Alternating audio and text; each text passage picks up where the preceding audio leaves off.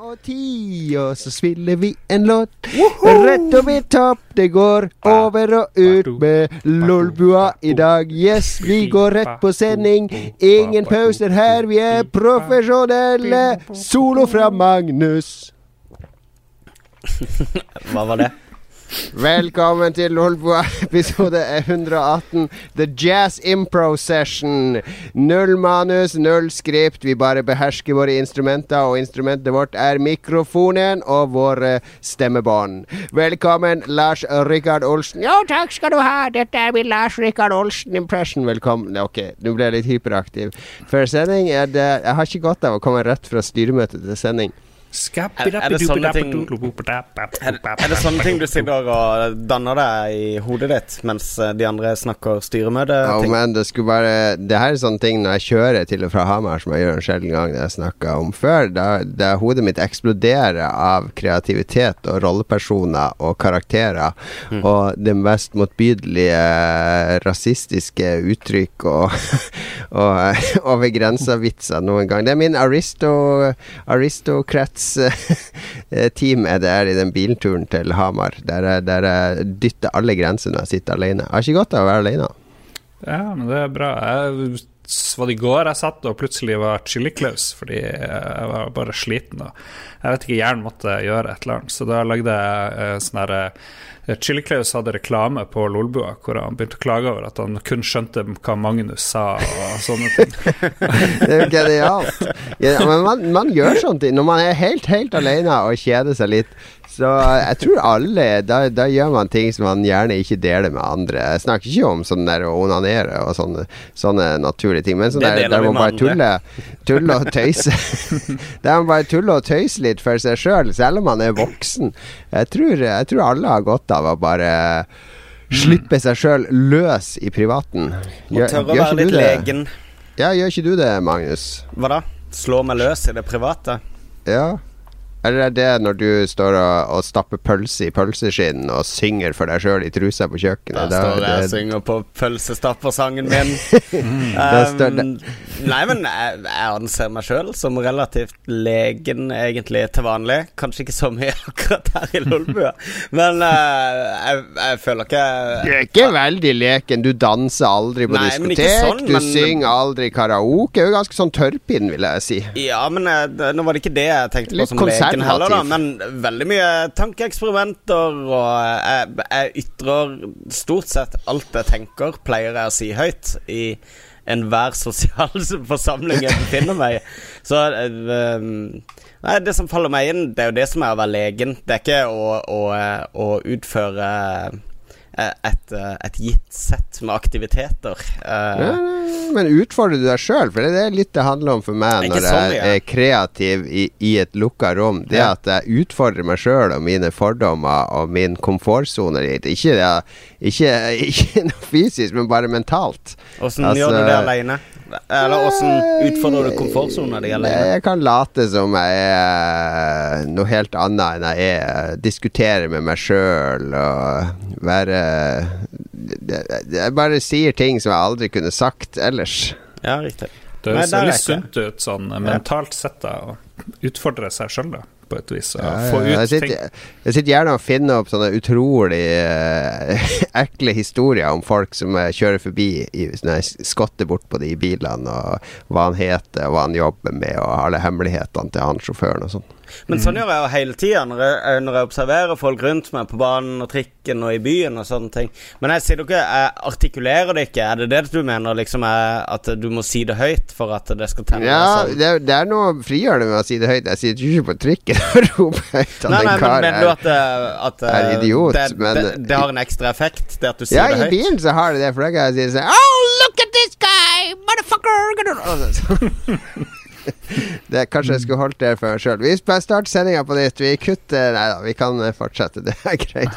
Men det er godt å ventilere. Det er godt å blåse ut. Uh, Fins det noen tabuer når man er alene?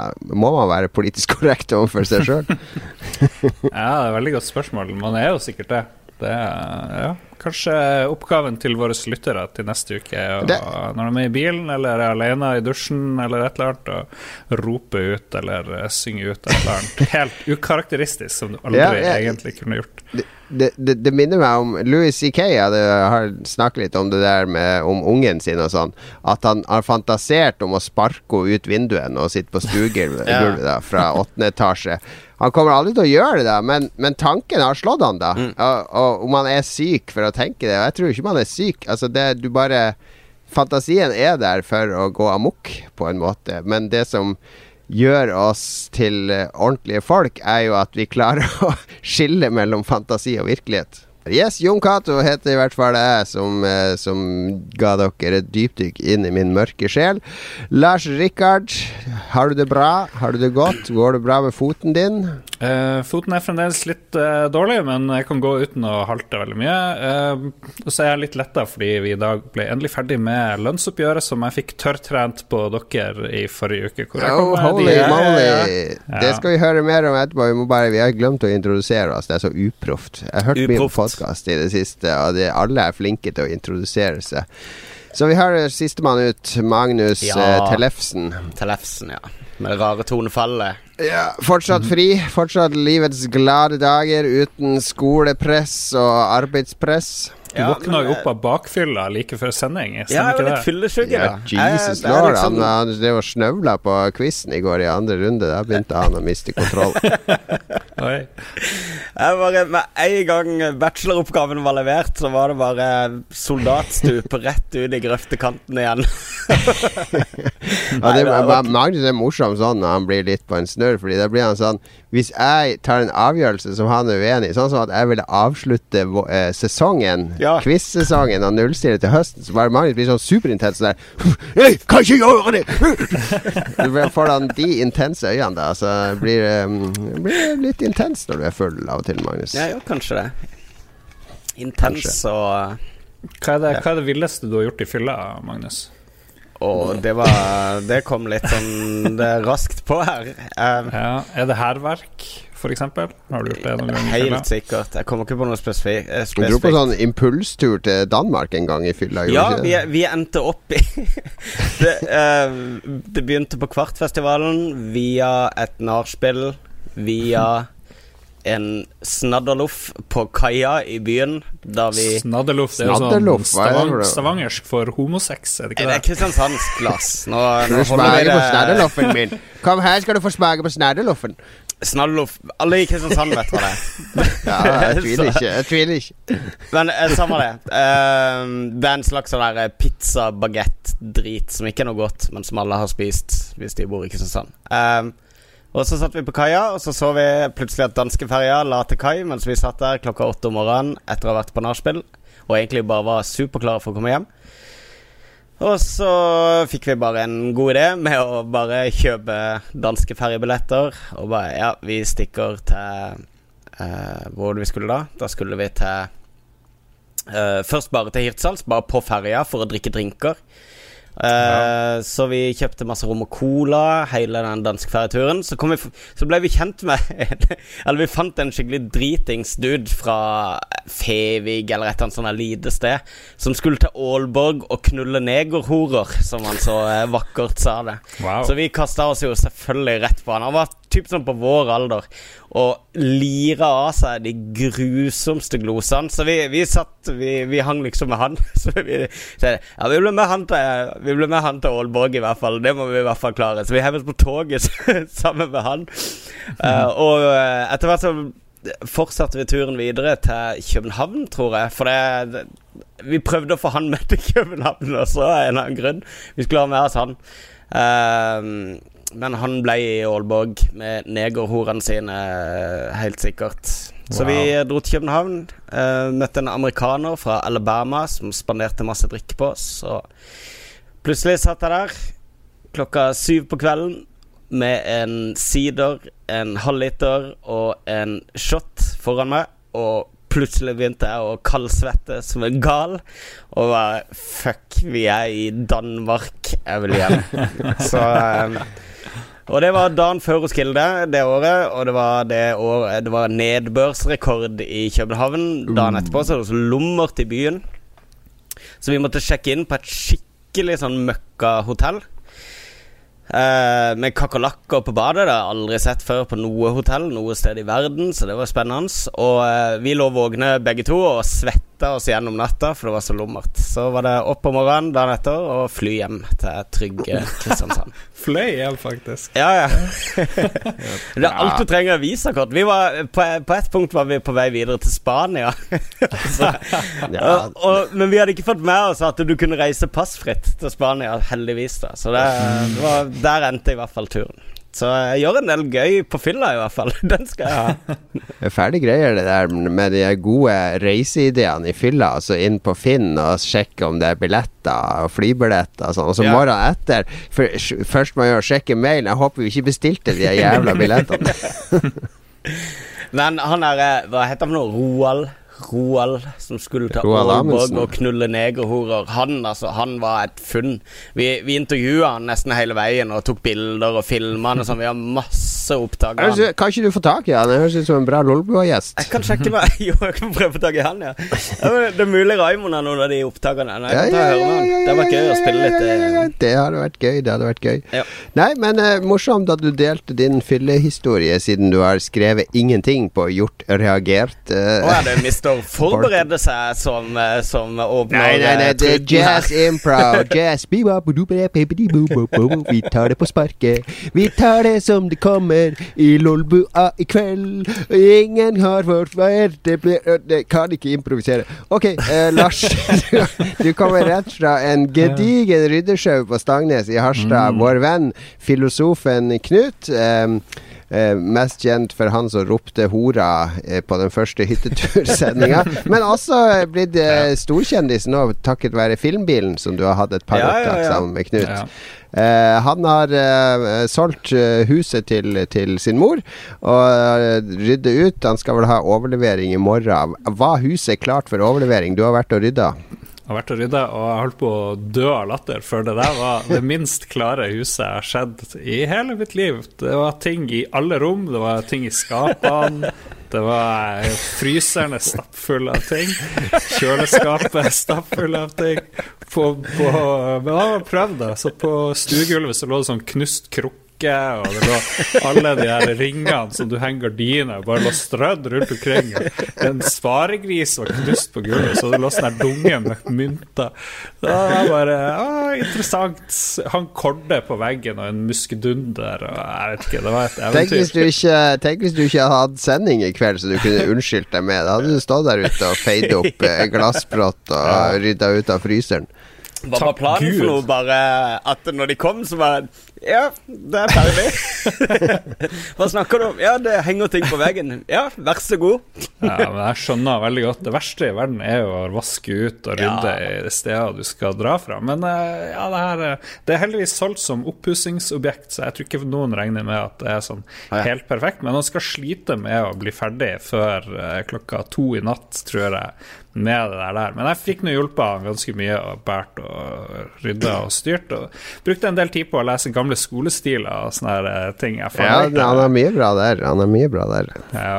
Så jeg fant, en, jeg fant, fant ingen sånne skikkelig gode sånne Kutulu-aktige eller sånne rollespillstiler, men det var sånn The Wrong House, eh, hvor de, han og familien skulle flytte ut. Og så skal de fære inn i det nye huset sitt, og så Oi, shit, her er det noen springende ut, og jeg er veldig redd. Og så kommer han ut, og så ser faren på, på huset Oi, vi er gått inn i the wrong house.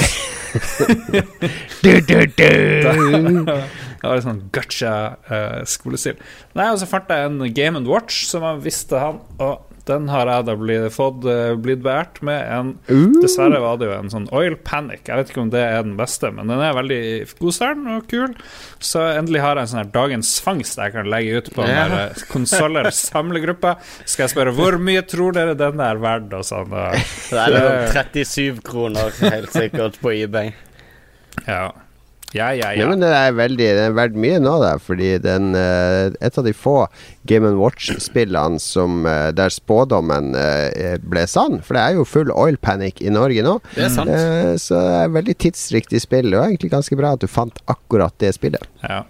det morsomste som skjedde, var da vi skulle fære, så skulle jeg hjelpe han å bære ut den hylla han hadde funnet ut han skulle ha med seg. Og det var en sånn typisk sånn eh, Jysk-aktig hylle som var litt lealøs. Så vi klarte å få den helskinna til bilen, men da vi skulle sette den inn, så bare datt den helt fra hverandre eh, overalt. og sånn skrue forut. Så det endte med at han Knut drev og hoppa opp og ned på hylla ute på gårdsplassen der. ah, det var morsomt. Ja, nei, men jeg er litt vemodig, for jeg har vært i det huset mange ganger. Jeg har jo, eh, når Knut var yngre Mm. Eh, eller når vi gikk på videregående og sånn, så brukte jeg og, og vår venn Tore å dra dit. Og så brukte vi å være på rommet hans når han spiste middag, og da gjorde vi Vi, vi, eh, vi herpa ikke, men vi saboterte det rommet så mye vi kunne. Vi gjorde alt. Vi lagde en masse sånn booby traps for han. Vi la terninger i alle sokkene hans. Mm -hmm. vi, vi snudde alle skuff, skuffen opp ned da. Så da han åpna så datt alt innholdet ut på gulvet. Vi løsna lokket på blyantspisseren og satte den opp ned. Eh, vi, vi, bare Vi tok ting i, eh, i lakenet og i, i dynetrekket. Vi tok ut planker fra senga hans. når han la seg, så bare raste han ned på gulvet. vi, alt som kunne gjøres jo Vi skrudde løs dørhåndtakene på skapene, så han skulle åpne skapet. Så bare sto han med håndtaket i, i hånda. Vi hadde sånn halvtime der det bare var sånn total kreativitet i hvor mye kan vi sabotere her. Uh, så Knut får jo i flere år og fant nye feller og sånn, for skuffa han ikke hadde åpna, eller sokka han ikke hadde på seg, og sånn, men så plutselig var en terning oppi. Knut har mange kvaliteter. En annen kvalitet er at han kan sitte på hva som helst uten at han merker det. Mm. Du, var, du kunne putte, putte sånne ting i sofaen, så satt han seg rett oppå bøker og, og antatt Sånn som bare stakk ut fra under ræva hans uten at han brydde seg noe om det.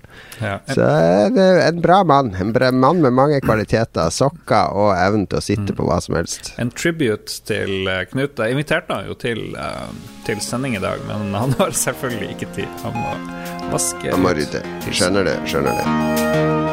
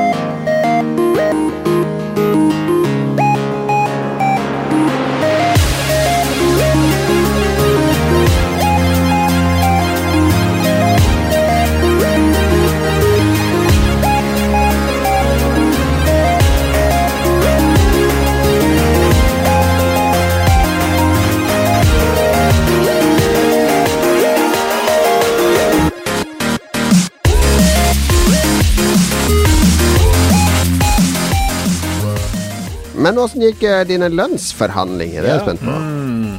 Ja, det var jo tre dager til ende med den jævla driten. Jeg tok det veldig seriøst. Fant jo ut at uh, våre avtaler var stort sett fra 2006 på mange områder.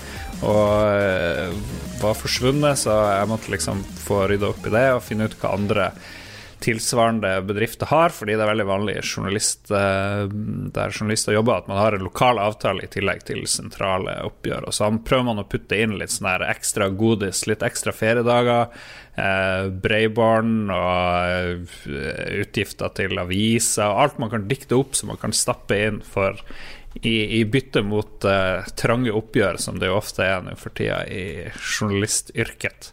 Så det, yeah. det fikk vi til. Vi fikk uh, vi skal jeg få fordekt min bredbånd gjennom jobben, det er jo fantastisk. Og så klarte vi å få til tre kompetansedager i året til alle. Tre dager hvor de trenger å være kompetente? Nei, vi skal liksom videreutvikle oss. Uh, så det, det, kan bli interessant. Men må, man må liksom få godkjent det da, av ledelsen. Så nå blir det en slags interessant, kreativ oppgave å finne hvilken kompetanse jeg skal tilegne meg i uh, på tre dager. Jeg vet ikke om dere har noen gode forslag. Kan lære å sjonglere. ja, ja. Det, det, er ikke så dumt. Kan lære å um, lage anagrammer av alle ord som folk gir deg. Ja. Jeg tenkte tre dager hos VG, det hadde vært litt gøy. Vi har jo litt sånn samarbeid med dem, så jeg kunne kan stikke dit og henge. Uh, ja, tre dager med Sofie Elise. Ja. Hun tjener jo mer på tre dager enn du gjør på tre måneder. ja, hva gjør hun for noe? Hva er det, det hun gjør riktig? det gjør hun. Og så I fjor fikk vi et veldig dårlig oppgjør, men i år så klarte vi å få litt penger. Også. Jeg er liksom fornøyd med min debut som uh, sånn forhandlingsleder. Men de, nice. var, yeah. men de, var, mistenkelig fornøyd, ledelsen, da vi liksom shaka hands på det. Så det betyr at jeg har gjort en ganske dårlig deal, egentlig. Ja. Mest sannsynlig. Ja, de skal hate deg, de skal ikke elske deg eh, når det er over. Ja, det, det, det, så der feiler vi. Men uh, vi var nå passe fornøyd inntil da, da vi skjønte at å ja, her kunne vi sikkert fått mer. Men Nei, men gratulerer med, med kompetansebudsjett og ja. litt mer lønn.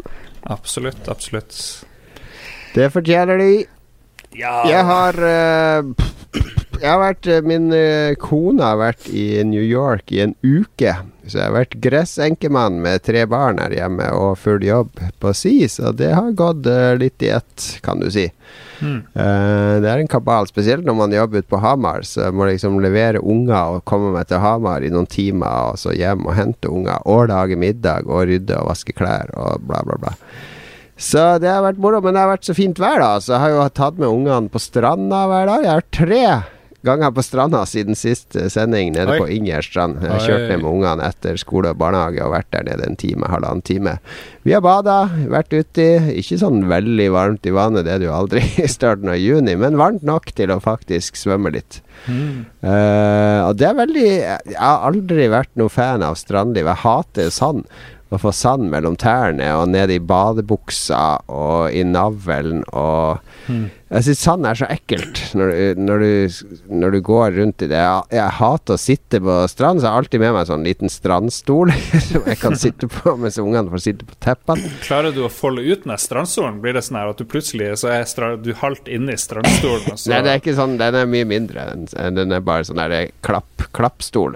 Mm nærmest. Men uh, jeg begynte å sette mer pris på stranda. Min kone er veldig glad i strandliv, da, så det var et sånn der, uh, nesten sånn skilsmissegrunn at jeg ikke ville være med på stranda mm. uh, i Spania og sånn. Så det er driver og tilvenner meg å sette pris på strandliv. Og det er litt koselig. Det er litt, det er litt fint når man først sitter der og har litt mat og drikke og det er veldig deilig å ha en uh, mojito og en bok uh, i nærheten av stranda. Kanskje ikke på ja, nei, det, Jeg tar aldri Jeg vil ikke ha sand i kiddelen min, så den lar jeg borte fra stranda. Jeg vil helst ikke ha med mobil eller noe på den stranda. Jeg hater å få den sanda overalt. Sand er pyton. Og når vi har leiebil i Spania og vært på stranda, så er det kilo med sand i bagasjerommet fra alle tepper og badeleker og ting og tang. Mm.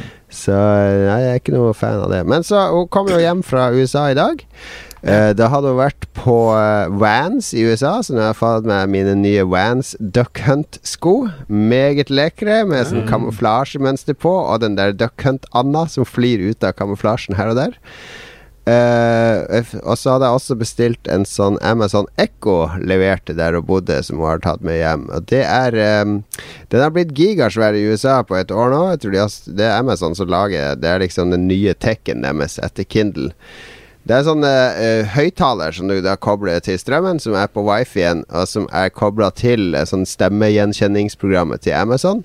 Så du da kan snakke med i stua. Den, står, den lytter 24 timer mm. i døgnet. Så når det kommer ned i, i, stua, så kan du spørre hva klokka er, hva som er på kalenderen i dag, åssen været er. Og så har jeg kobla den til Spotify, så jeg kan bare si sånn her uh, Uh, Alexa, play the latest Mastodon album, eller et eller annet, så spiller den det. Uh, Alexa, volume 5. Uh, men hele forskjellen på det Altså Det funker jo ikke med Siri. Bruker jeg jo aldri. Mm. Kinect bruker jeg aldri. Fordi at det er med Siri så må jeg liksom bruke handa for å prate. Jeg må liksom ta opp telefonen og trykke inn en knapp og gi henne en kommando.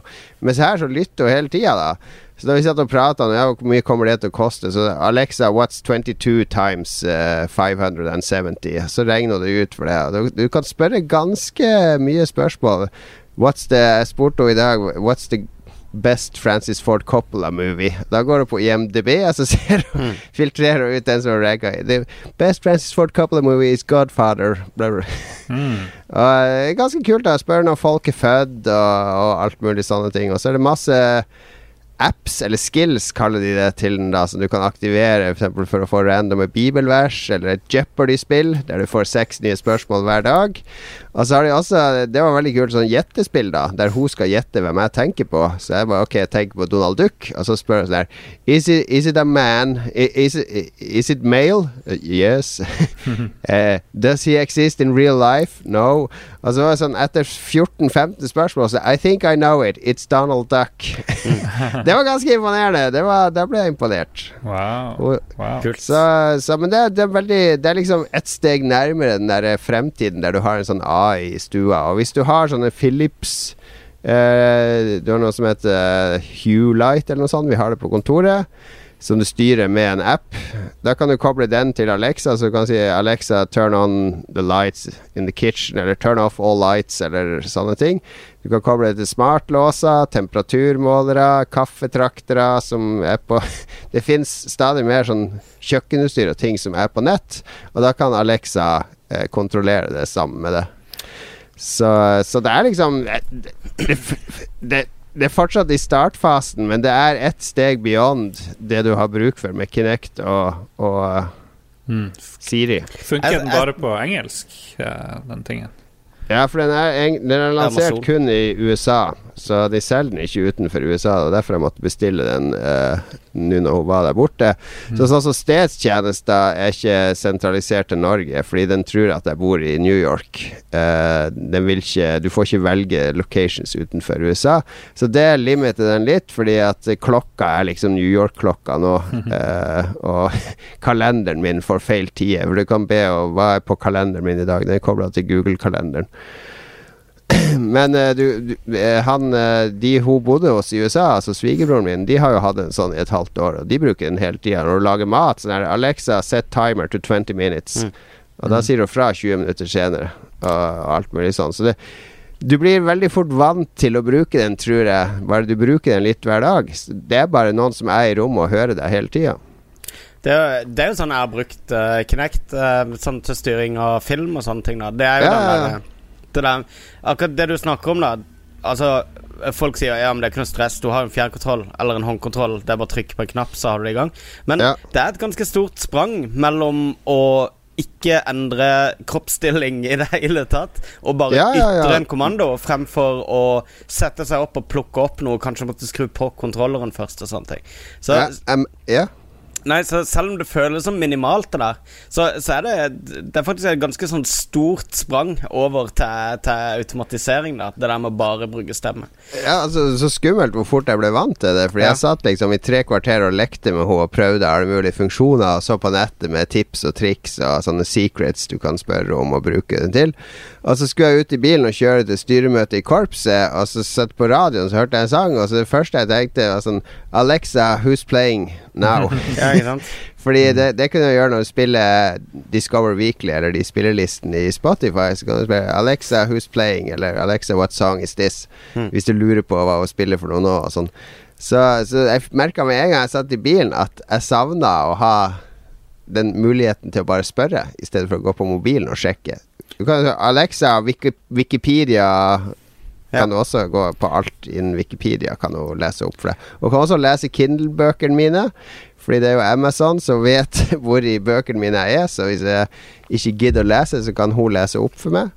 Uh, Hvordan blir den lesinga, da? Den er ikke Den er litt sånn datastemme fortsatt. Men ja. har du Audible-lydbøker, er jo integrert i den. Så hvis du har masse lydbøker på Audible, så, så, kan, du, så kan, hun lese de. Ja. Og så kan du spille Hun kan spille sånn atmosfærelyder, sånn rainfall og nature og alt mulig sånn. Det var masse ting å oppdage. Så jeg ble veldig glad i Alexa og Amazon Echo veldig kjapt. Cool. Det var det. Vi spiller litt uh, musikk. Litt smooth jazz i Lulbua. Det er jazzaften her. Ciao.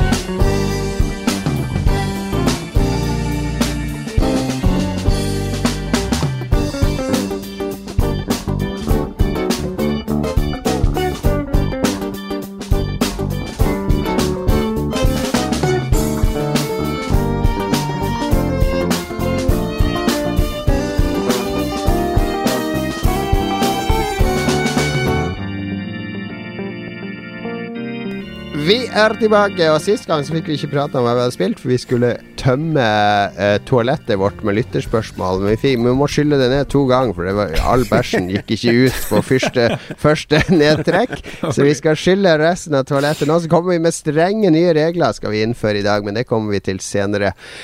Uh, jeg glemte å spørre deg, Lars, eh, tilbakemelding mm. på forrige episode. For den var den første jeg har klippet på nesten et ja. år. Ja. Uh, det, jeg må innrømme det var litt gøy å klippe episode én. Det var litt gøy å finne mm. musikk, sette inn musikk, ja. uh, synke ting. jeg hadde, tror jeg hadde med syv låter eller noe sånt. Det var morsomt. Det var, du tok veldig av. Nei, jeg har bare hørt begynnelsen, faktisk. fordi jeg har vært i Sverige og hatt lønnsforhandlinger og hatt regnskap og alt det der. Så jeg har ikke hatt For første gang på 100 år så har jeg ikke hørt gjennom eh, sendinga etter vi hadde den, for det gjør jeg egentlig bestandig, og bare lar den gå og styre på mens jeg ikke har hørt noe. Så jeg skal komme med tilbakemelding neste gang, men jeg er sikker på at det er veldig bra. Bra, bra.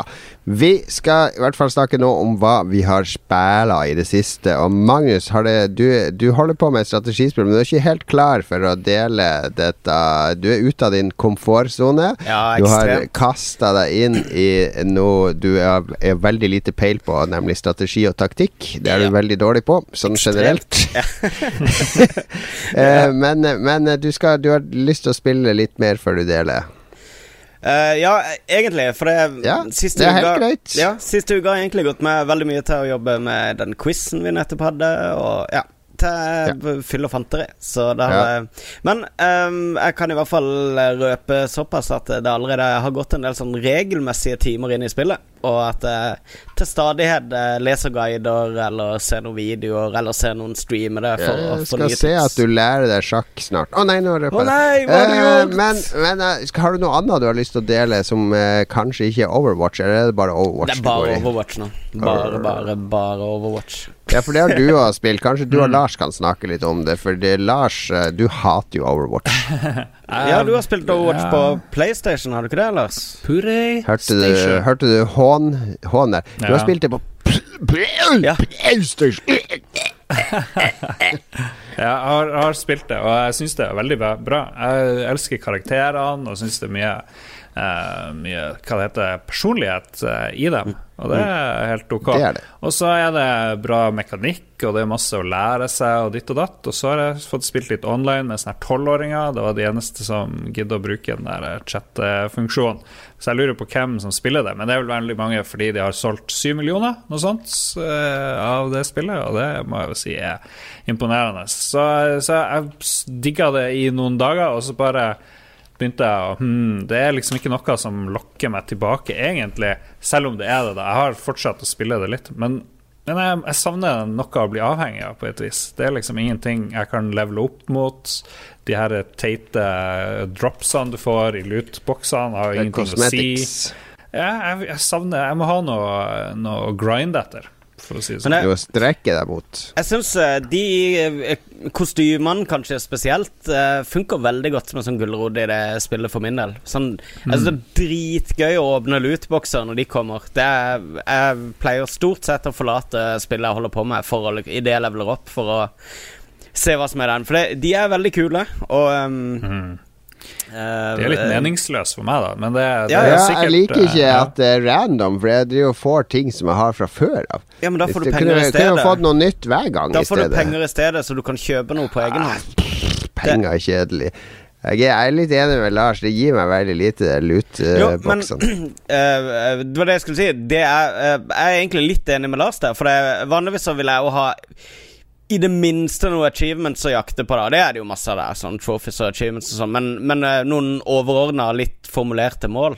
Men i dette spillet her så har det bare vært sånn Nå har jeg spilt ekstremt jeg, Eller det er ikke mange spill jeg har spilt aktivt online av skytespill, og um, spesielt ikke på PC, så det er jo egentlig et ganske nytt felt for meg, da. Men mye av motivasjonen har ligget i at jeg bare merker at jeg blir bedre og bedre, og at, uh, at jeg, ser streamer og sånne ting, får nye tips, tester det ut, og så bare Holy shit, jeg blir faktisk bedre til dette. Nå forstår jeg strategien bak den og den characteren og sånne ting. Så det Jeg er helt enig med deg, det er normalt. Min måte også å bli demotivert på at ikke det er noe liksom å jakte sånn formelt på, men jeg tror det som fenger med meg i spillet, er at jeg liksom blir litt sånn investert i det, rett og slett. Hadde jeg vært i en guild hvor vi var masse folk, og det bestandig var seks ja. mennesker å spille med som man kjente, så man kunne lage taktikker og prøve ut nye ting og komboer av, av spillestiler og sånt, det hadde vært dritkult. Men det er liksom ikke der, da. Eh, dessverre. Nei, det, det, det, er jeg heller ikke.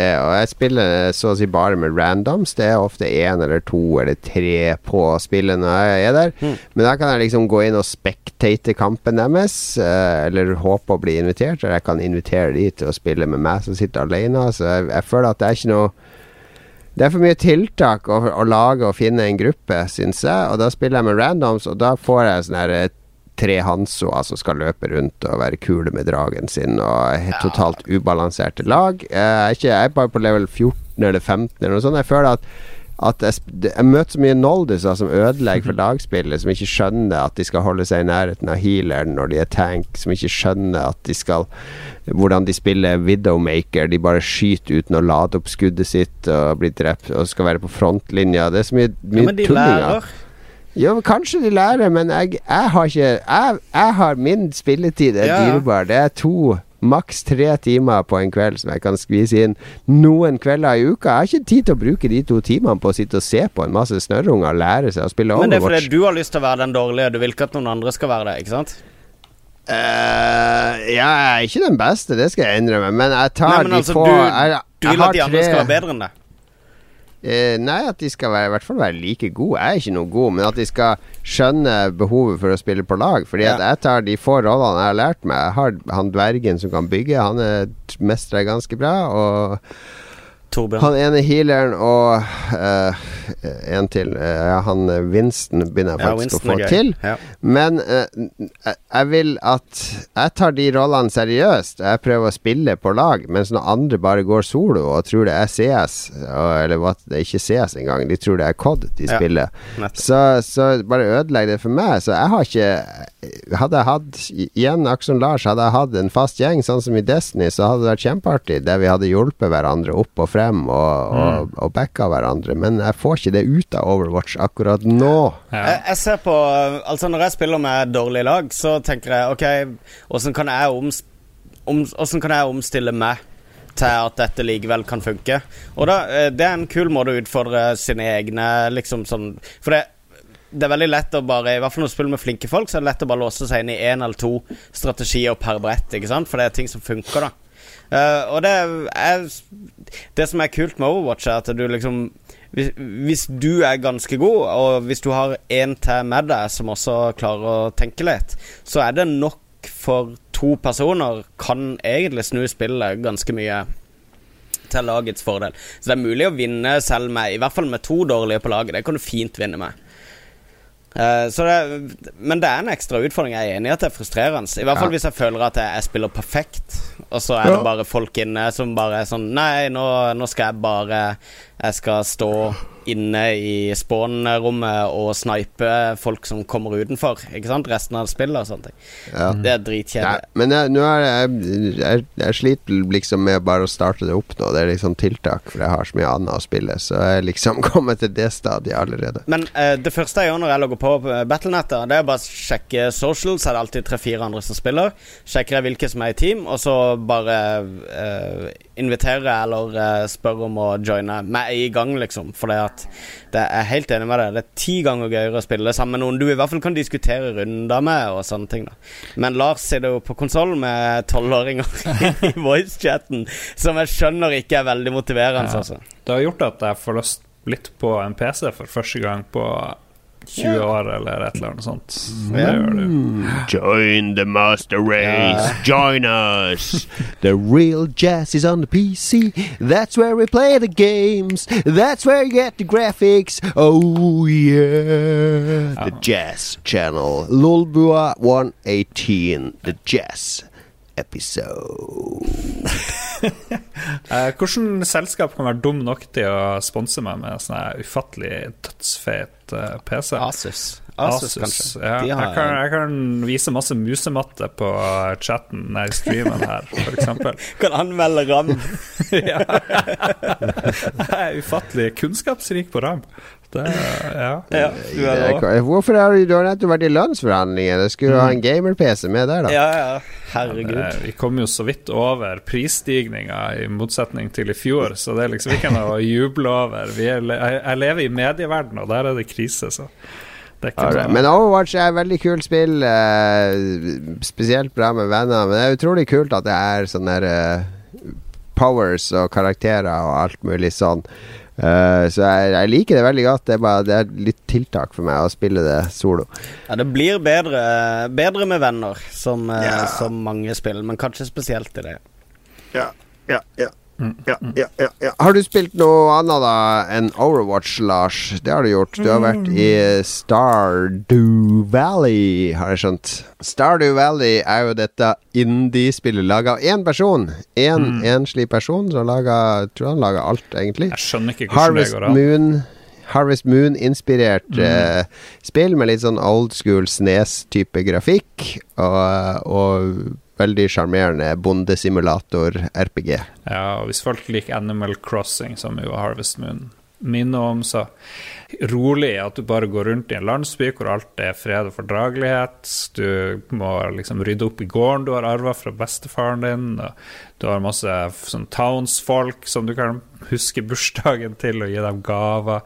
Men du kan mm. også levele opp på et vis. da Du kan utvikle evnene dine, du kan bli bedre til å fiske og ditt og datt. Og du kan equippe ting og crafte ting. Og det, er litt, det er sånn romance-greier òg der, tror jeg. Ja, det er Selvfølgelig.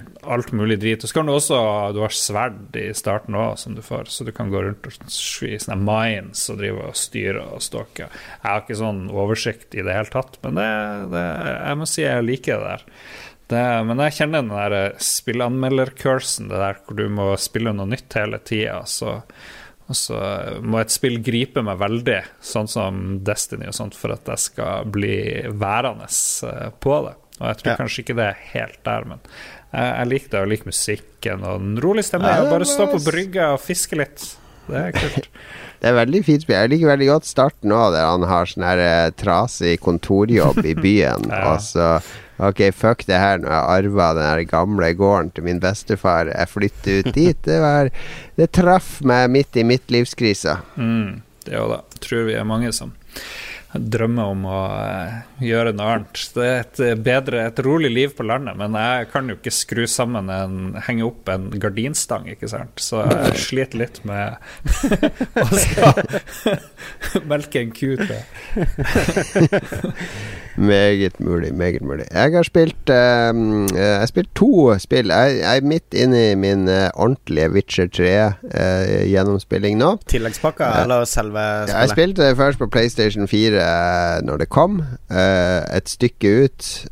ikke sånn ikke helt til slutten, men jeg spilte et godt stykke før jeg måtte spille noe annet, og så falt jeg av. Altså, men jeg, jeg er alltid av den Jeg er sånn med Fallout òg, at hvis jeg vet at det kommer masse sånn story-DLC, mm. så vil jeg helst vente med å spille det til alt er ute, for da kan jeg sluke alt i ett stort herremåltid. Fordi hvis jeg spiller gjennom eh, et Fallout 4 nå, eller hvis jeg hadde gjort det når det kom, og så hadde det kommet alle story-DLC-en, så hadde det vært utrolig vanskelig for meg å komme tilbake til mm. den verden for å gjøre den story-DLC-en. Ja. Så, så, jeg begynte på Witcher 3 nå en uke før uh, den uh, siste utvidelsen, uh, Blood and Wine. Er det, det er Wine and Blood? Blood and Wine. Noe sånt. Mm. Ja, før den kom ut, for da visste jeg Da kommer de to, da er liksom spillet komplett. Da er alt der.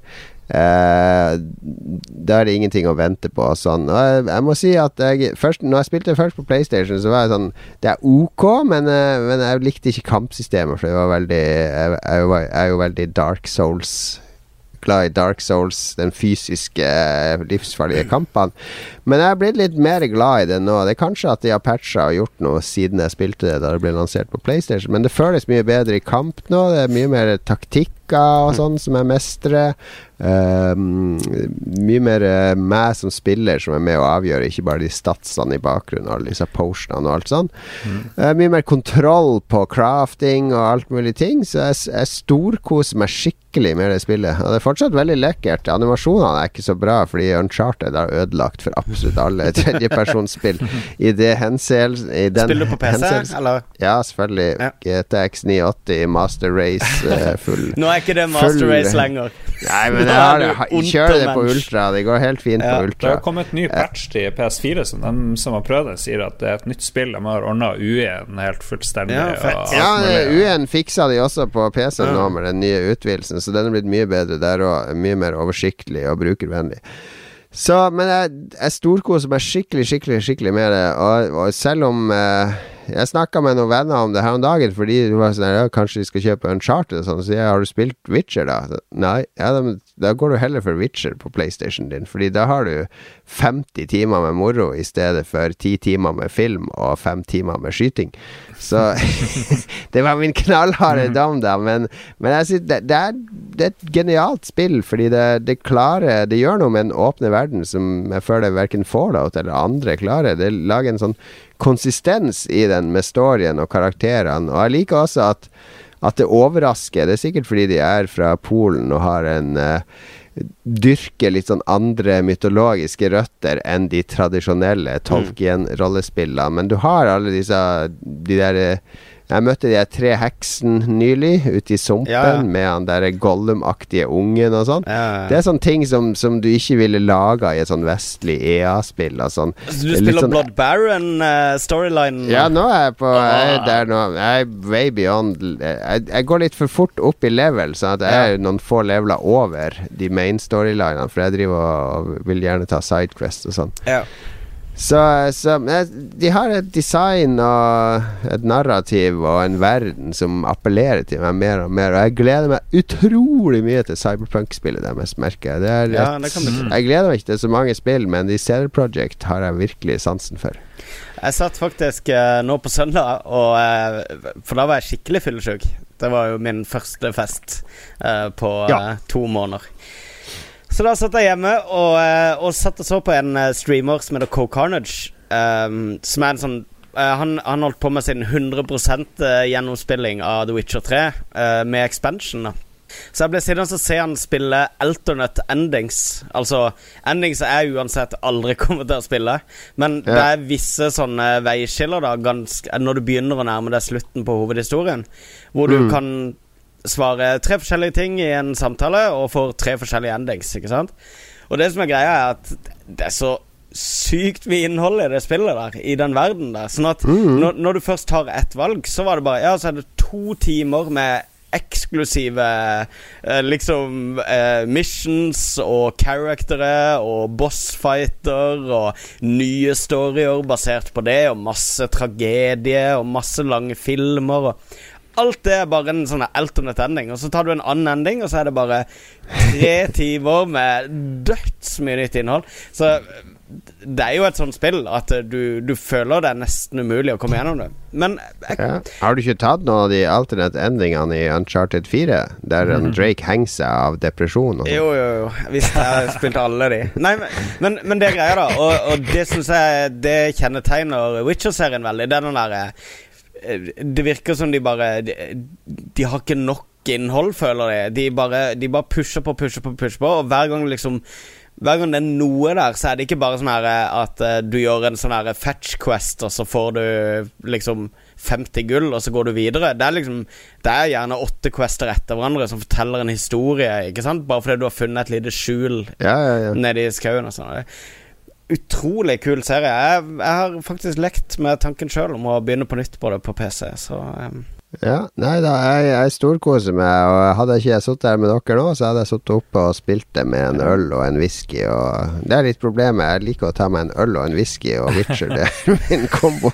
Så jeg kommer til å forbinde det med øl og whisky. Ja, ja. Skulle ønske det var first person, litt mer sånn uh, Elder Scrolls-aktig uh, opplegg. Jeg vet ikke. Hadde det gjort spillet ja. dårligere, eller? Nei, det handler, det handler, så mye om han hovedpersonen at, eh, at uh, First Person plasserer deg inn i hans rolle, mens, mm. mens, i Witcher så er han på en måte allerede definert av storyen. Så ja. jeg syns det er riktig. ja, Jeg liker Geralt. Jeg liker Geralt. Men Cyberpunk herregud jeg, jeg gleder meg til ingen spill bortsett fra Cyberpunk. Ingen spill bortsett fra Cyberpunk. Jeg gleder meg til alle unntatt Cyberpunk. Cyberpunk, and it's the future of jazz, the cyber jazz. We're playing it here in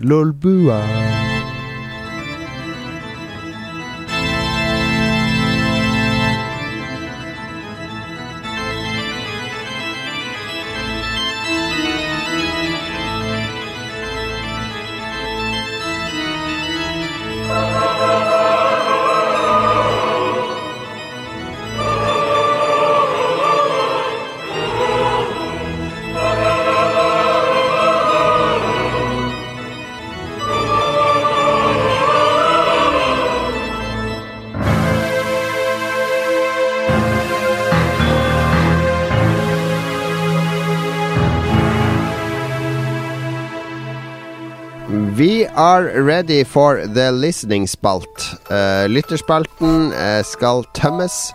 Toalettet skal uh, flushes. Jeg, jeg, sier, jeg, jeg, er glad i lytterne våre. Jeg sier det på en litt Kanskje litt for krass måte, jeg vet ikke. Vi, vi har, vi har hopa oss opp Det var noen som trodde vi kødda når vi sa at det hopa seg opp lytterspørsmål helt til de fikk høre sånne spørsmål fra juletider som vi ikke har fått svart på. Nå skal vi svare på alt. Vi skal cleare slaten, og så blir det nye regler. Var det ikke det vi snakka om, eh, Lars og Magnus? Ja, vi prøver på noe annerledes. Så. Ja, vi prøver å gjøre litt om på den, med at vi, vi, kommer til å svare på mange lytterspørsmål på Facebook og Twitter og sånne ting. Og så kommer vi til å velge ut en håndfull som vi svarer på på lufta. Og gjerne de som, som genererer litt diskusjoner. Gode samtaler som dere lyttere syns det er gøy å høre på. Så fortsett å sende inn. Vi plukker ut. Det er ikke sånn at det er vinnere av de som plukkes ut. Det, jeg hadde en veldig god idé med at vi starter som Patrion. Og hvis du er sånn her Hvis du gir minst 200 kroner måneden, så får du alltid blir alltid prioritere dine lytterspørsmål. Er ikke det en god idé? Det er CEO-en som sitter og tenker Chief Financial Officer og Chief Executive Officer mm. sin tankegang. Nice. Ja, er god idé. Vi får se hva det blir av det. det var, vi hadde jo en på quizen i går, Magnus. Så kom ja. det jo bort en Lolbua-lytter som var på quizen for første gang, og han lurte på om han kunne kjøpe shots til oss. altså, I mangel av Patrion så, så, følte han at han måtte, måtte bidra på annet vis. Så, så kanskje det ikke er så dum idé med sånn Patron. Jeg vet ikke. For fallhøyden blir mye større når folk faktisk betaler for at vi skal lage det her. Da, da ja. Det, det stiller plutselig krav til oss. Alright, Vi tar denne diskusjonen på bakrommet. Nå skal vi gjennom en rekke lytterspørsmål, og til å lose oss gjennom det The Jazz King from Harstad. He has been cleaning a house. Now he's warming up his voice. He's gonna play the meat trumpet.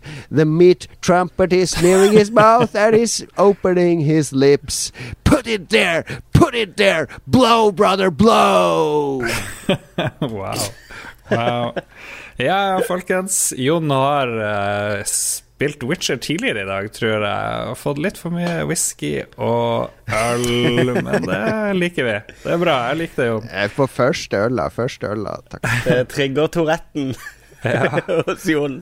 Ok, nå det, er, det er det at min eh, kone har kommet hjem fra å ha vært bortreist en uke, så jeg har ikke, ansvar, jeg har ikke eneansvar for barna. Så det er sånn ren eh, adrenalinrus. Hmm.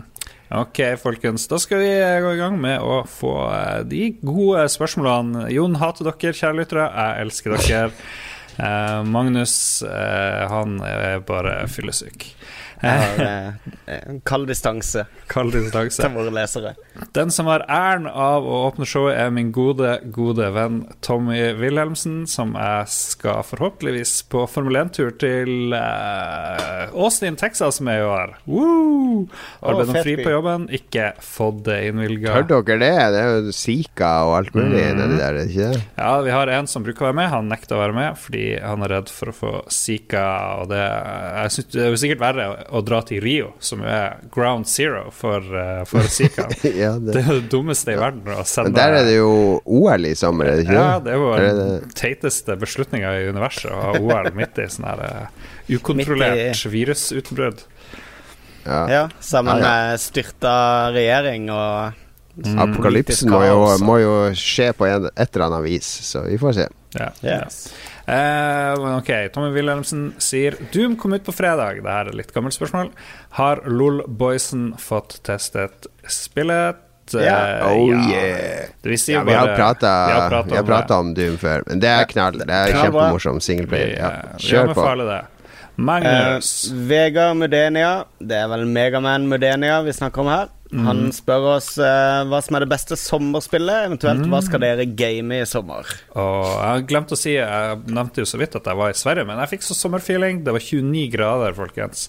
Og jeg Oi. fikk den der uh, tilsammensfeelingen, for da var litt sånn hippier der. 15 stykk bodde i samme hus, masse unger hit og dit. Han er en sånn musikkprodusent. Ene mamma var sånn eh, alternativ-ish uh, utrolig. Så jeg har allerede fått sommerfeelingen. Vi fra Nord-Norge vi er fornøyd hvis vi har to dager sommer. Da har den vært. Da er den over. Da kommer det seks grader og snø eh, neste dag. Ja, hva, hva, har det her med beste sommerspill å gjøre? Jeg ville bare si litt om at jeg hadde vært i Syden okay, ja. på dåp eh, eller navnedag hos min bror, som var veldig koselig. Jeg har egentlig eh, holdt av Fallout 4 til å spille i sommer. Det har mm. vært, som jeg sa i vinter, så er det en ambisjon. Jeg har en sånn greie på sommeren med sånn digre spillprosjekter eh, som jeg runder på sommeren. Eh, hvis det er dårlig vær på sommeren, er det ingenting som er kjedeligere. Eh, blir ganske rastløs av det. Det er kult å ha et eller annet. Og I hvert fall når du kommer hjem etter å ha vært ute i sola. Hvis du har vært ute i sola. Så, så nå begynte jo Jon Cato å kile meg på The Witcher-nerver også, så det, det, er en viss sjanse for at det mm. kan vise seg. Mm. Og eh, når jeg reiser til Kristiansand i sommer, så blir det vel eh, et PSP-spill, da. jeg må se Hvis, eh, hvis Bannersaga 2 kommer på iPad innen det, så er det helt klart det jeg skal spille i sommer. Hvis ikke, mm. så, eh, så blir det vel noe Danganronpa eller noe på, på PSP, skal du se. Ja, ja nei, jeg er ikke helt sikker sjøl. Jeg, jeg, pleier jo å dra sånn tre uker nesten til Spania, og da har jeg egentlig bare med meg DS-en, så jeg bruker å spille uh, gamle Megaman-spill og, og, sånne ting på DS-en. Uh, men jeg har med uh, Jo, Monster Hunter Generation X kommer i juli. Uh, faktisk perfekt tima til jeg skal til Spania, så den kommer jeg nok til å bruke mm. veldig mye tid på i Spania. Vi har også nett der, så jeg får spilt den på nettet. Den gleder jeg meg veldig, veldig veldig, veldig, veldig mye til. Jeg er stor Monster Hunter-fan, så det kommer til å bli mitt sommerspill. Ja. Dere har ignorert det første delen av spørsmålet. Hva er det beste sommerspillet? Og det jeg husker jeg hadde lyst å dra Commodore 64-en min ut på plan eh, og med en sofa for å spille, fordi det, det jeg digger mest å gjøre når det er fint vær, det er å sitte og spille. Av en eller annen grunn.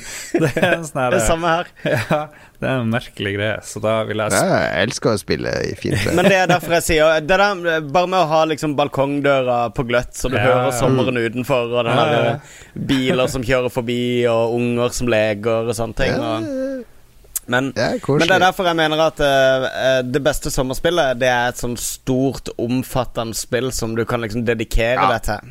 Mm. absolutt. Mm. Jeg, jeg, jeg, hadde et par sånne sammenhenger. Pool of Radiance, rollespillet ja. fra SSI, et ADHD-spill. Det spilte jeg en hel sommer. Det er veldig mange gode sommerminner fra det. Satt oppe til langt på natt. Og mm. helt til måsen begynte å skrike i 4.50 på morgenen, så gikk jeg og la meg og hadde tegna kart. Og, det er utrolig deilig å legge seg når du hører måsen skrike og det er midnattssol. Ja, det er det. det jeg savner det her i Oslo. Her er det bare de pakistanske gjengene som hyler og skriker utafor og skudd. Så, ja. så, det er ikke det samme som måsen i Nord-Norge. Den islamske stat driver og bomber utafor. sånn er det i Oslo.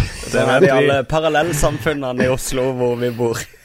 All right. Harald Brobakken Danielsen. Blir det igjen Zoom-fest på Magnus og lyttere i sommer, eller blir det kamerabytte? Ja, for det, er de lytterne som ikke henger med her. Eh, vi, vi, sitter jo, når vi tar opp, så sitter vi over Skype, og vi har webkamera, så vi kan se hverandres vakre fjes. Og, og vi sender jo live på Twitch, også, så folk kan se oss der.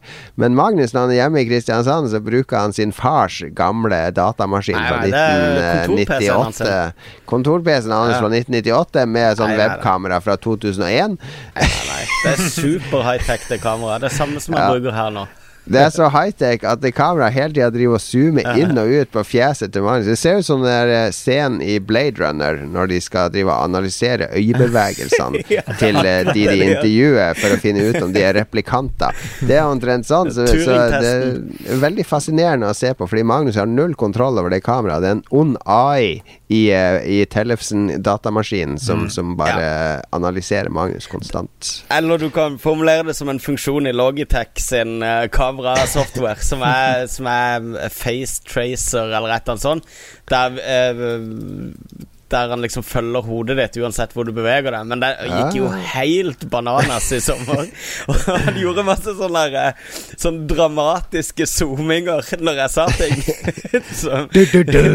Ja, ikke Men blir det reprise? Får vi Zoomfest i sommer? Ja, Vi får se. Jeg tenkte jeg skulle ta med meg webcamet herfra, så eh, ah, ja, Vi får okay. se. Kanskje, kanskje vi slipper han løs uh, for uh, old times sake. Sorry, Harald. Kanskje ikke. Du får følge med og se Lars. Skal vi se uh, Anders, Anders By spør om det kan bli for mye vold i spill. Hmm, ja, det kan det jo bli. Jeg holdt jo på å skru av uh, Hva det heter Modern Warfare et eller annet, var det der? Hvor det var der No Russian-brettet? No Russian, ja. Ja, Den syns jeg jo var bare teit. Ja, det var litt sånn usmakelig. Og i den torturscenen i Grand Theft Auto 5 hvor ja. han der eh, fylliken skulle måtte torturere en sånn der eh, stakkars uskyldig immigrant. hvor du liksom måtte det Storyen fortsetter ikke hvis du ikke torturerte han.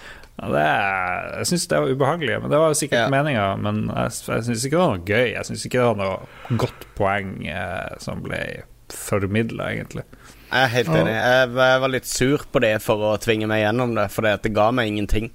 Uh, mm. jeg, det, hvis det ikke ga deg noen ting, så er jo du iskald. Hvis det ga deg ubehag, så Ja, men så det var det. Men jeg følte meg ikke ja. noe Jeg følte ikke at det berika meg på noen Det gjorde ikke at jeg tenkte gjennom noe, eller at, at jeg følte at Det kan jeg se. Ja, det belyste ja, ingenting. Det, det, handler jo om kontekst, ikke sant. Jeg er veldig glad i første Manhunt-spillet, fordi det, det, er Det ble litt for mye for meg, det. Å, ja, det får meg til å tenke over ja. hva jeg egentlig gjør i spill. Uh, og hva er, hva er underholdninga i å, å drepe og sånn, fordi det er så utrolig grafisk. Men samtidig så det kan bli altfor mye hvis det tas ut av Altså Det er en grunn til at det ikke er barn som går rundt i gaten i GTA, så du mm. kan meie ned eller uh, sånne ting. Fordi det folk som lager spill der du får lov å utøve vold, de må hele tida tenke på hva de har lyst til at spill hva, Hvor mye frihet de skal gi spillerne, og hva slags voldsopplevelser eh, de vil formidle. Så ja, det kan absolutt bli for mye vold. Man må ta ansvar. Med en gang du skal formidle vold i et spill, så må du ta ansvar og sette det i en kontekst, spør du meg, da. Mm. Magnus. Ja, Magnus. da er det jammen med gode gamle Jan Christian Heigel, fastlytter. Halloen, Heigelen! Hvordan er jazzmiljøet i Bergen? Ja, det er jazz. Det er jazz på Bryggen. Vi spiller på Fisketorget. Uh, ja. Uh, jazz på bryggen. Det er bare jeg som prøver å holde liv i jazztemaet. Ja, jeg skjønner dette. Det, okay. Jeg syns du gjør en iherdig jobb, Jon Cato. Den skal takk, du ha. Takk, takk. Stå på vilja. Heigel i hvert fall lurer på hvilke spill vi ville gitt Altså, hvilke spill ville dere ha gitt fra Microsoft, Sony eller Nintendo til hvilken av deres konkurrent first party? Altså for mm. at Halo kunne utvikles av Sucker Punch, ah, okay, som er first party hos um. Sony osv. er En morsom idé. Hva er first party hos, hos, Microsoft nå, bortsett fra 343? Er det noen De har Rare. Og så har de Rare finnes vel jo, finnes det? Ja, jeg vet ikke. Ja, og så har du Hva det heter? De som uh, lager uh, Remedy, går ikke de nesten inn som first party nå? Nei, de er jo ikke det. Mm. Mm. Ok, Er det noen spill vi ville gitt til Nintendo, f.eks.? Uh, Uncharted til uh, Nintendo. Ikke Uncharted til Nintendo. What? ja, det hadde jo lett Ja, da hadde fjerna all skytinga, i hvert fall. Putte Mario i sånn Uncharted. Uh, sånn. mm. Ja, riktig. Ja. Um, det, det her ble veldig søkt for meg. det ble veldig, veldig søkt. Ja, men det er jo på en måte liksom sånn, Hvordan ville spill sett ut hvis de var lagd av noen andre? da Det er en mm. interessant måte å tenke på. da Altså Hvor mye av det er fingeravtrykk fra studioet, og hvor mye liksom goes with the territory i det du lager et spill med tema.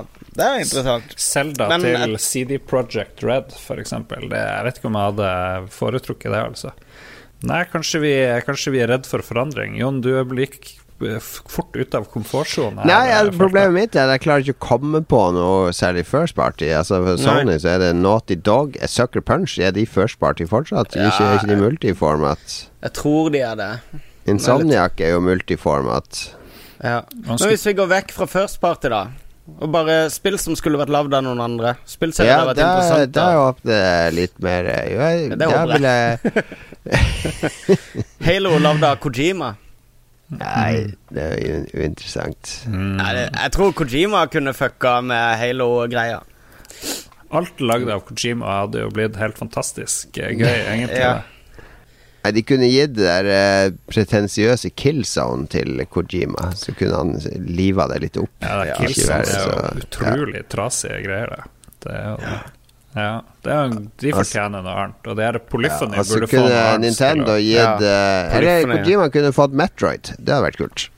Uh, ja. ja. der ser du noe. Og så kunne de gitt uh, de der uh, Nintendo kunne tatt over Gran Turismo. Altså faktisk gjort det litt morsomt å kjøre mm. bil igjen. ja. ja. Ja. Tenk deg det. Gran Turismo 64! ja, det funka veldig bra. Ja. Uh, justere understellet til det der, uh, den heismusikken uh, som det er i alle Nintendo-spill når du er i menyer. Og, ja, det har vært helt perfekt. Kunne gitt um, jeg vil gi alle bra, spill bra spørsmål. Hæ? Ja. ja jeg vil gi alle spill til han um, Phil Fish, han han uh, Ress-duden. Ress? det er Tetsuya Mitsuguchi. Fess, tenker du på. Ja, Fess, ja. ja, nettopp. De hadde aldri kommet ut av La oss gå videre, eller kan vi ta en kjapp uh, pause, så jeg får gått på toalettet? Ja, ok, da. Nå må all øla ut. Burde vi ha snakka litt om E3, da? Har vi noe E3? Spørsmål La oss scrolle ned. Det var noen som spurte det siste uke da om E3, og da tok vi noen sånne og da bestemte vi oss for å utsette det til i dag, tror jeg. For om vi husker det på fredag, og så er vel første pressekonferanse på søndag eller noe, er det ikke det? Søndag eller mandag? Søndag eller mandag, jeg husker ikke. Ja. Så, ja. Delta Sony klokka tre på morgenen. ja, det er bullshit. Det er pin... Man må ta dagen etter fri, liksom, hvis man skal ja. Eller bare være arbeidsledig. Det var jo gøy i fjor da Jon og meg var på Klekken fordi du hadde eksamen eller et eller annet, ja, hvor vi tok opp sånn her eh, episk to timer med det verste fylleskrålet du kan tenke deg. Utrolig mye morsomt, og så klarte Jon å love noen at vi aldri skulle legge det ut. Det Jeg tror kanskje det blir lika en gang i fremtida, altså. Det, det er ikke umulig. Uh, ja. Jeg er redd for det, i hvert fall. Jeg er redd for at det skal bli lika med det. Av noen andre. Uh, Norwegian Darkness spør om Microsoft har den første konferansen. De Nei, det er vel ikke Microsoft. Hmm? Microsoft bruker først. Jo, det er kanskje den første av de tre, men uh, det er ikke de som har den første pressekonferansen. Av de som liksom uh, Jeg lurer på om det er Betesta som har den første, eller noe sånt. Mm. Sjekk uh, gamer.no hadde i dag la opp en sak om med tidspunkt uh, for alle pressekonferansene. Vi kan jo gå på gamer.no nå og se mens vi ja. venter på Tisse-Jon. Og Anders Berge spør om jeg planer om streaming av gamle LucasArts-spill i sommer. Eh, ja, jeg har det. Det er det som er greia. Jeg har det, altså. Du har det. Ja, jeg har lovd det. Og Day of the Tentacle ligger klart og ferdig installert med klappa og klart til streaming, egentlig. Så nå prøver jeg egentlig bare å og komme litt tilbake i vater igjen etter uh, en uh, litt vel intens sånn her uh, oppkjøring med skole og sånne ting. Så jeg må hente meg inn litt sånn sosialt med kjæreste og liv og og sånn, så er jeg klar til å liksom bruke litt tid foran dataen igjen. Og da Jeg ser i hvert fall for meg seinsommeren blir det nok en del streaming, som det ble i fjor også. Så det, jeg, jeg håper skikkelig at vi får det på plass. Ja. Skal vi se Det er Veldig først, gøy å streame. Først er det Electronic Arts søndag klokka 22. Betesta 04 om natta. Det er jo litt tvilsomt at man gidder. Var det Electronic Arts først? Ja. ja. Jup. Det er på mandagen det, på morgenen. Ja tidlig, tidlig på morgenen. Hva, hva, kan de komme med, egentlig? Betesta ja. Nei, EA. Ja, EA. Nei, de har nå millioner. De skal jo vise frem uh, de her sportsspillene F sine. Fifa, NHL og sikkert UFC2 og Ja, Battlefield 1 skal vel sikkert få litt oppmerksomhet da, tror du ikke det? Ja, ja helt sikkert. Kanskje tror du vi får se noe uh, Xbox Scorpio og uh, Neo, uh, nye PS4-en i uh, ja, sommer. jeg tenkte på det. Jeg vil i hvert fall tro at Microsoft kommer til å vise den der Slim-modellen sin. For mm. den er sikkert litt viktig å få kjapt inn i bakhodene til folk så raskt som mulig. Ja, ja. Men jeg er veldig interessert i hele det der ja. vi, vi, kan egentlig diskutere akkurat sånne ting. Kan vi sikkert kanskje ta seinere i sendinga. Nei, men vi tar det nå. Vi bare tar med det her i sendinga. Det er helt um, Jeg leste litt om det der Project Helix, som visstnok foregår i all hemmelighet hos Microsoft uh, for tida. Okay. Uh, hvor uh, disse Hvor Scorpio og disse her nye Det er snakk om to det var, det var, snakk om uh, å lage to sånn Xbox TV-streamebokser i tillegg til mm. en slim modell og en ny Xbox, da som er en Scorpio.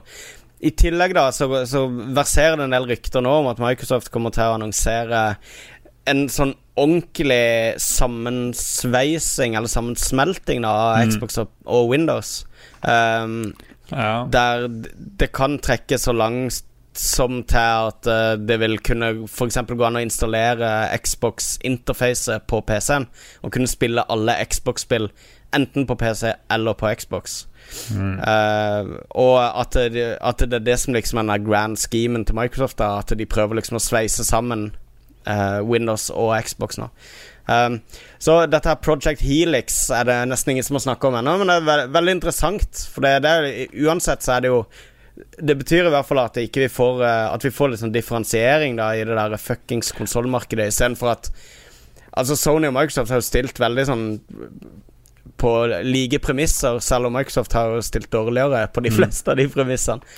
Vi bare skled rett inn på E3 Predictions mens du var på do, Jon. Som vi bare All right, det er helt uh, greit. Hva skjedde med lyden hos deg nå, Jon? Han, er det noe galt med lyden? Nei, Nei bare streamen som måtte plukke opp. Og så har vi okay, slått ja. fast at EA er først. Søndag klokka 12. Nei, søndag 22. Gud, hvor er dårlig jeg er. Søndag 12. juni klokka 22. Så er det Betesta klokka 4 om natta. Microsoft som vanlig først av de store der. 18.30 på mandag. Og så er det noe right. PC-show, Ubisoft Ja, PC det skal være egen sånn PC-gaming-show. Ja, det var det i fjor òg. Det, ja, det er veldig kult at de gjør. Ja, og så kommer Sony og Ja. Jeg bare, jeg bare mista trua på det her Morpheus-opplegget. Jeg bare tenker at det er bare tull, alt det der, der egentlig. Ja, så. jeg leste ryktene om at uh, Nintendo uh, holdt at de holdt tilbake produksjonen av NX også nå, fordi at det, var snakk om noen VR-greier som skulle, skulle, implementeres. Oh no. Ja vel. Jeg vet ikke om det er sant. Og det har også vært snakk om at HoloLens eh, At Microsoft eh, De har jo sluppet hele kilde Eller all teknologien til HoloLens har de jo sluppet nå. Så de tillater andre å produsere det. Uh, så Så nå er det mulig at de også kommer til å kjøre på med det. Mm. Så da har du Microsoft med én løsning, og Valve med én løsning. Eh, og så har du jo i, til, i tillegg Facebook med én løsning. Eh, Sony med én. Mm. Ja, og Nintendo, tydeligvis. Ja, nei, Nintendo-ryktet er jo litt sånn tvilsomt. Ja, det er, det er superfussy. Ikke ta det som sannhet, altså. Ja, men, ja. Jeg tviler litt på det. Men det er, det er jo morsomt at sånne svære gigasvære aktører er involvert, sånn som Facebook og, og ja. andre. Eh, så det er jo mye penger og ting i omløp. Men det er vanskelig å si. Jeg skal i hvert fall være med på uh, Pressfire.no sin ja. E3-sending på mandag fra klokka Jeg tror vi begynner halv Eller vi begynner fem, og så skal vi holde på til tre om natta. Yeah. Så det, det, blir moro. Det Av en eller annen grunn så, så jeg er blitt invitert. Så da skal jeg sitte og komme med mine prediksjoner og analyser i det jeg synker lenger og lenger ned i flaska. For jeg syns det er vanskelig å se på Se på de E3-pressekonferansene Uten alkohol? Eh, uten alkohol. Jeg må innrømme det. Kanskje er det fordi jeg er blitt alkoholiker, men det er jeg har sett mange av de opp gjennom årene, og det er mye fesjå og mye eh, brusing med fjær. Og, og nå jeg satt Nå jeg forbereder meg litt, er jo at alt de viste fram i fjor Ingenting av det er jo kommet, omtrent. Nei, altså, Uncharted er kommet, det er greit. Hvis, hvis, du ser på Sony. Men hva, hva nå var det? Shenmue er ikke kommet. Last Guardian er ikke kommet. Det der Grilla Monster Hunter Dino-spillet er ikke kommet. Det er så mye spill fra i fjor som fortsatt ikke er i nærheten av å være utgitt.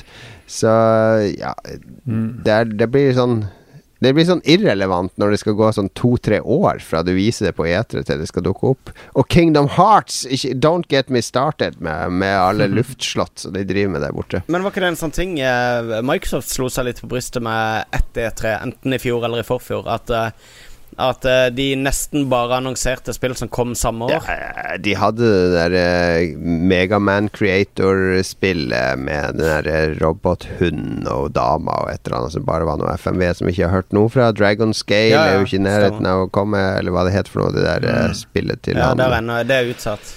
Bajonetta-duden, så ja det, ja det, er nok av spill som Det er mye prematur ja, ja, ejakulasjon på E3, for å si det sånn. Det så, litt, men det er jo interessant for deg. Altså, det er jo ikke derfor vi ser på E3-ting som hva kommer nå neste måned. Nei, jo... E3 i år tror jeg er uh, på randen av å miste relevans. Uh, det har vi sagt i ti år nå, tror jeg. Ja, vi har vel kanskje det.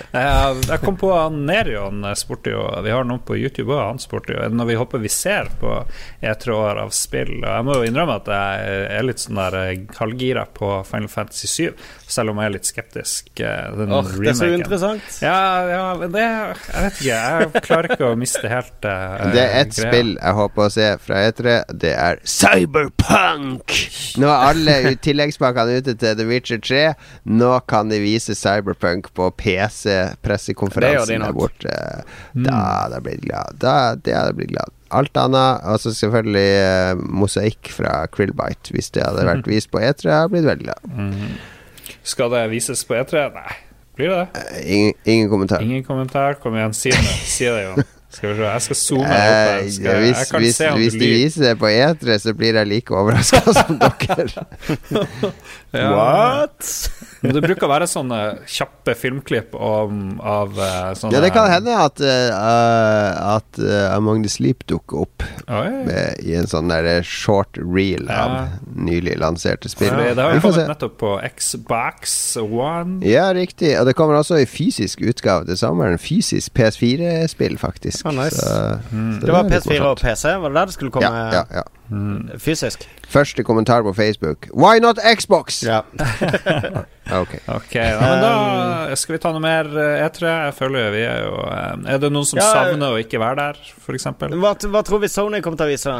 Mm, Last Guardian, garantert. 100 Tror du det? Skal komme før jul. Ja, det skal komme skal før jul. Ja. Det har jo blitt visst Det har vært sånn demon, Folk har jo spilt det og skutt laserstråler med halen til det monsteret, så Og så blir det masse sånn Jeg har så bange anelser for det spillet der. Det det, oh. Så blir det masse bullshit Norpheus, dessverre. Og, uff, jeg gruer meg allerede til å se sånne. For det, det vi ser, ser, så dårlig ut i 2D, ikke sant. Får ingen ja. inntrykk av det, eh, dessverre. Så det blir sikkert mm. mye etter Kanskje etter sånne pressekonferanser så får pressen lov å Det er masse sånne booths, sånn som det året et av årene vi var der, Jon. Så er det litt sånn strippers rundt omkring, og så er det Morpheus Booths eh, bak scenen med gratis bar. Uh, ja, ja, det var ikke strippers når vi var der, det var jo sånn burleskdansere. Men... Ja, det hadde samme effekten på meg.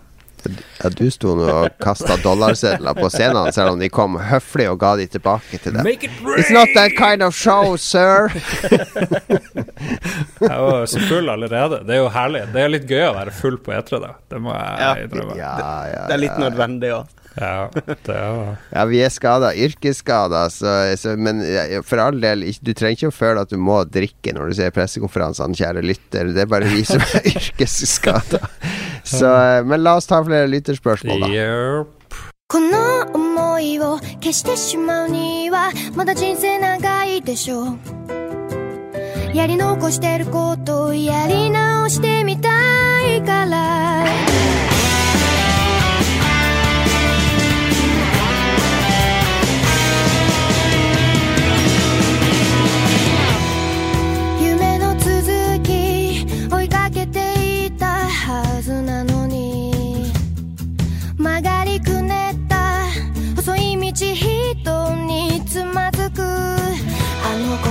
戻りたいわけじゃないのをなくしてきた空を探してる分かってくれますように犠牲になったような悲しい顔はやめてよ次の最後は涙じゃないよずっと苦しく。背負ってくんだ出口見えない感情迷路に誰を待ってるの白いノートに綴ったようにもっと素直に吐き出したいよ何から逃れたいんだ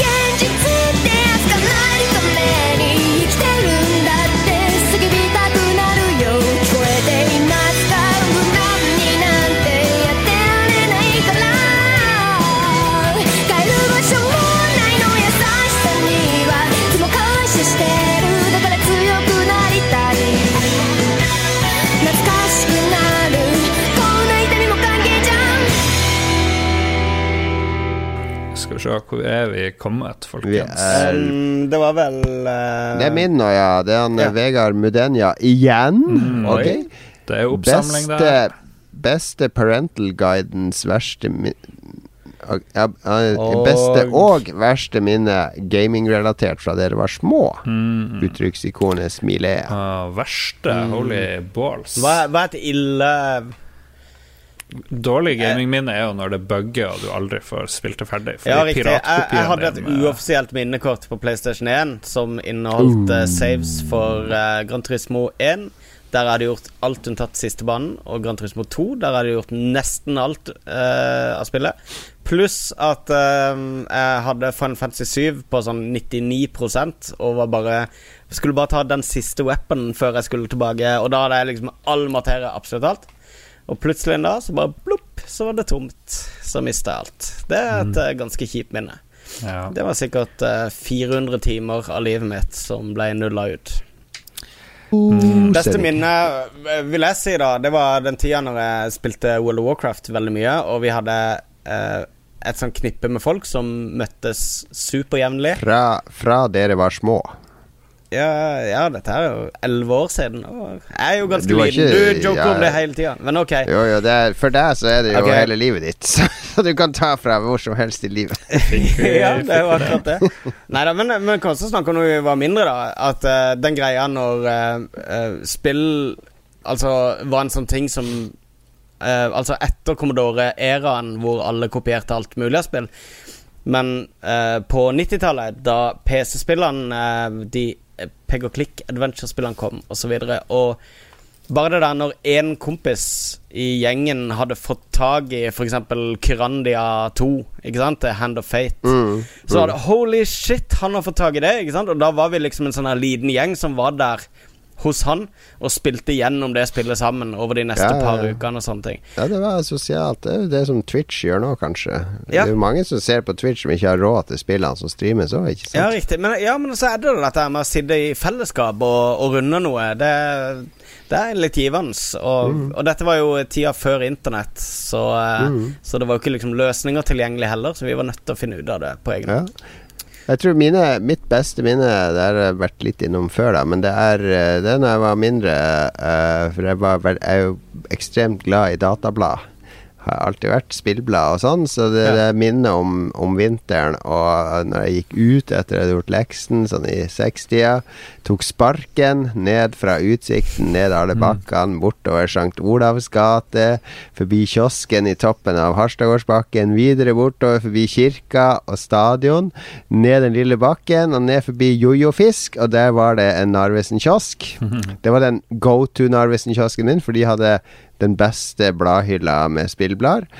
Så var det skikkelig forventninger på hele turen bort. Jeg for dit hver tirsdag, Skik fordi da satt de ut de nye bladene. Skikkelig forventninger. Mm. Kom inn, håpa at det skulle være et nytt Commodore User eller Computer and Video Games eller Uh, et par til jeg kjøpte.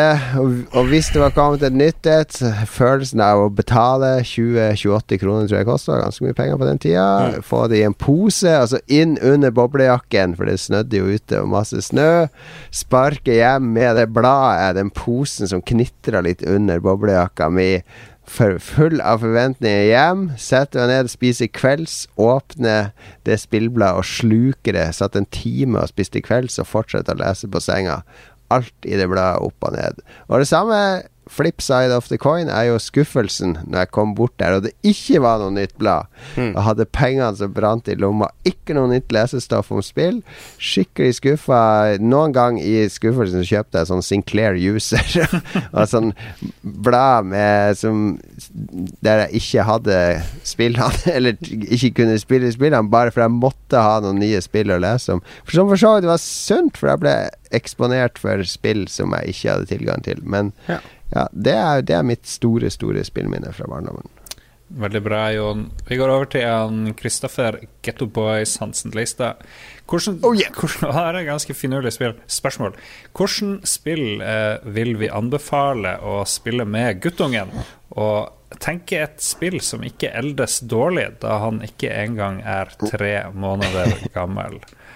Eh, det skal ikke eldes dårlig, det vil si at eh, dere kommer til å spille sammen kjempelenge? Nei, de må jo spille ja. det når han kan spille, og det er jo om sånn, ja. fire-fem år. Eller fire år, kanskje. Ja. Hva skal de spille sammen da? Vi kan jo gjette Uncharted hvordan... 4, Jon Cato? Uncharted 4? Nei, det jeg spilte da min eldste sønn var baby, eh, og i mange år framover, var jo Frequency og Amplitude. Ja de musikkspillene, for da kunne jeg sette han i den vippestolen foran TV-en, og så hadde masse farger og musikk, og han satt sånn hypnotisert av skjermen da, av de, alle de abstrakte formene og fargene og rytmene som, som, eh, som sikkert skada det sarte babysinnet, men det tenkte ikke jeg på da. Uh, men det det funka egentlig veldig bra. Det må være spill som er lett å legge fra seg, som er sånn små bursts på skjermen. Du gidder ikke å sette deg ned med Witcher, fordi det går det fem minutter, og så skal han ha mat eller bleie eller et eller annet. Så. Mm.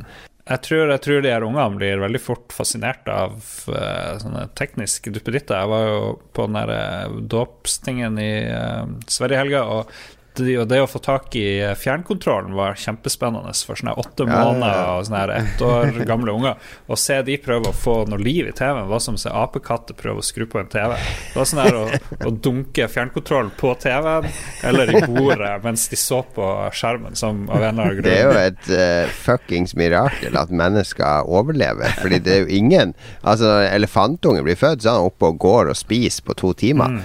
Uh, bare rett reise seg opp og bort og drikke vann. Mens mennesker blir født, så går det jo to-tre år før mm. det er i nærheten av å være noe selvforsynt uh, overlevelsesinstinkt. Men det var vel fordi vi bodde i trærne, uh, basically, at uh, de kunne henge på mødrene rundt omkring i trær. Snakk, snakk for din egen familie, Julius. ok. Hva sier Tommy Sarila? Fra Alta. Tom, Tommy Sarilla spør um, hva kan Er det et ekte navn? Ja, det, er, det er jo sånn Tommy Sarilla? Det høres ut som sånn GTA-hovedperson eller noe. Jeg tror det, det uttales Sarilla, ikke Sarilla. Er det sant? Sarilla. Ja, jeg kjenner han. Ah, er det kvensk, samisk? Uh... Det er, han er jødisk, så vidt jeg vet. Jødisk, ja. ja han men han spør i hvert fall Hva kan dere tenkelig prate om dersom dere ikke kan snakke om PC? Mario Kart, grow some goddamn ram, sier han. Kan vi ikke prate om PC? vi snakker en del om PC her, mm. føler jeg. Jeg har jo fått en veldig sånn PC-revival eh, siste par månedene. Og, ja, eh, jeg òg. Jeg spiller bare PC. Ja, det, er mulig, det er mulig han bare tar utgangspunkt i meg, da, som ikke har PC. Eller så er det et gammelt spørsmål. Det, Men det eneste jeg spiller nå som ikke er på PC, det er jo uh, Pro Evolution Soccer på PlayStation 4. For det begynte jeg ja, nesten med EM-oppdateringa her ja. om dagen. Fordi jeg er jo Jeg er kommet i litt sånn EM-stemning nå. Jeg gleder meg. Det begynner jo nå Eh, på fredag, ja, faktisk. Det er to dager til. Eller det er i dag, hvis du hører podkasten i dag. Hvis det, det, er i går, hvis du hører podkasten en dag etter den kom ut. Det er i forgårs, hvis du hører mm, podkasten okay. to. Ok, ja. de skjønte det. Jeg tok den litt for langt. Men, ja, ja, uh, men uh, ja, EM starter jo nå, da. Jeg er gira. Jeg skal se en del kamper. Jeg gleder meg. Um, jeg nevnte sånn kjapt i denne Facebook-chatten vår at uh, vi burde prøve å få i gang en eller annen fantasy-liga til, til årets EM. Når det er EM og VM, så spiller jeg fantasy football. Det er dritgøy. Og gir Nei, en sånn Jeg vet ikke hva det er for noe fantasy football. Fantasy det høres jo skikkelig nerdy geeky ut. Tenk deg da at uh, du, får, du, får, et sånn eh, startbudsjett hvor du kan kjøpe inn et knippe spillere. Uh, start, må det være start? Kan du ikke få et vikingbudsjett eller et Lillestrøm-budsjett? Dette, dette er EM. Å oh ja, oh ja, det var en sånn vits. Men kan jeg ikke okay. forklare det, for det er litt intrikat. Ja. Nei, så jeg må liksom ta det i én uh, eh, Eller right. men jeg kan forklare fantasy, det fantasy football brief, Magnus Tellefsen, go. Ok, Så du begynner med et uh, budsjett som du kan uh, disponere på to keepere, fire, nei, fem forsvarsspillere, fem midtbanespillere og fire spisser, tror jeg det. og de kjøper du da inn, og da blir de på en måte prisa ut ifra hvilke internasjonale rankinger de har som fotballspillere. Så uh, du kan velge mellom alle spillere som er med i EM. Som du tar, da tar inn i din stab.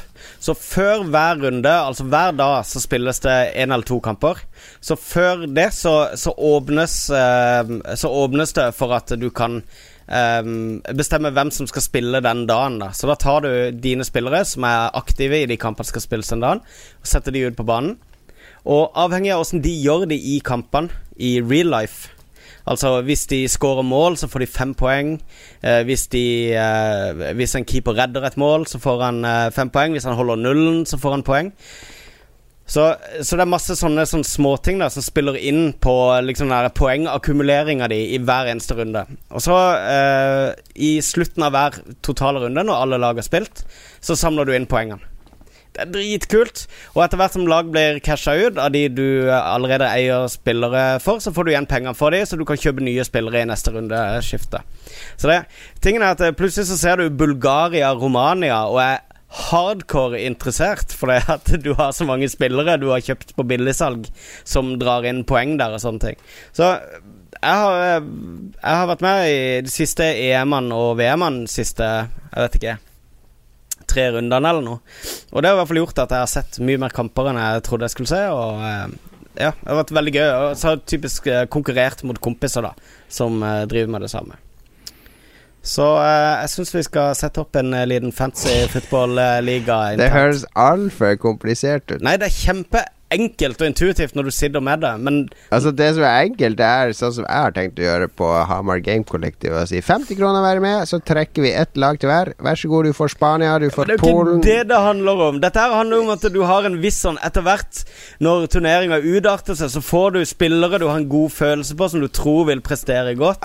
Som du setter inn på ditt lag. Alt med jobb. Det er jo dødsfett. Det er en kjapp greie du gjør på mobilen hver dag innen en viss sånn her uh, Og du driver på mobilen og tar fast òg. Ja, men du slutter å være så negativ. Jeg gjør det der med Formel 1, og det er ganske morsomt. Det gjør det, gir ja. det en ekstra dimensjon. Uh, ja, det, det, er fordi at sporten er så kjedelig i utgangspunktet at du må live den opp med en fiktiv ramme rundt den.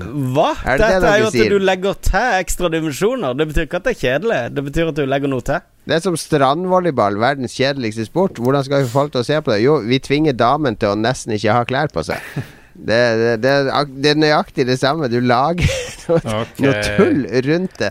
Nei, men, ja, jeg, men 50 det er kroner, Det å vedde 50 kroner Jon Cato på hvem som skal vinne kampen, det er ikke å legge til en ekstra Nei, dimensjon. Det er ikke veddemål. Det er, du, får, du får tildelt et lag. Du trekker fra en hatt. Det er jo bare et lotteri. Ja, men er ikke det å tilføre sånn, en dimensjon? Det er sånn og tilfeldigvis Det er for folk som For den greia fantasy football-greia di, da må det være hvis du overhodet ikke er interessert i fotball, så er jo ikke det noe morsomt i det hele tatt. Jo, jo, det er, det er jo akkurat det der, for du sitter med masse uh, spillernavn som du etter hvert uh, Ja, ja, men da kan jeg like godt bare trykke random. Kjøp random.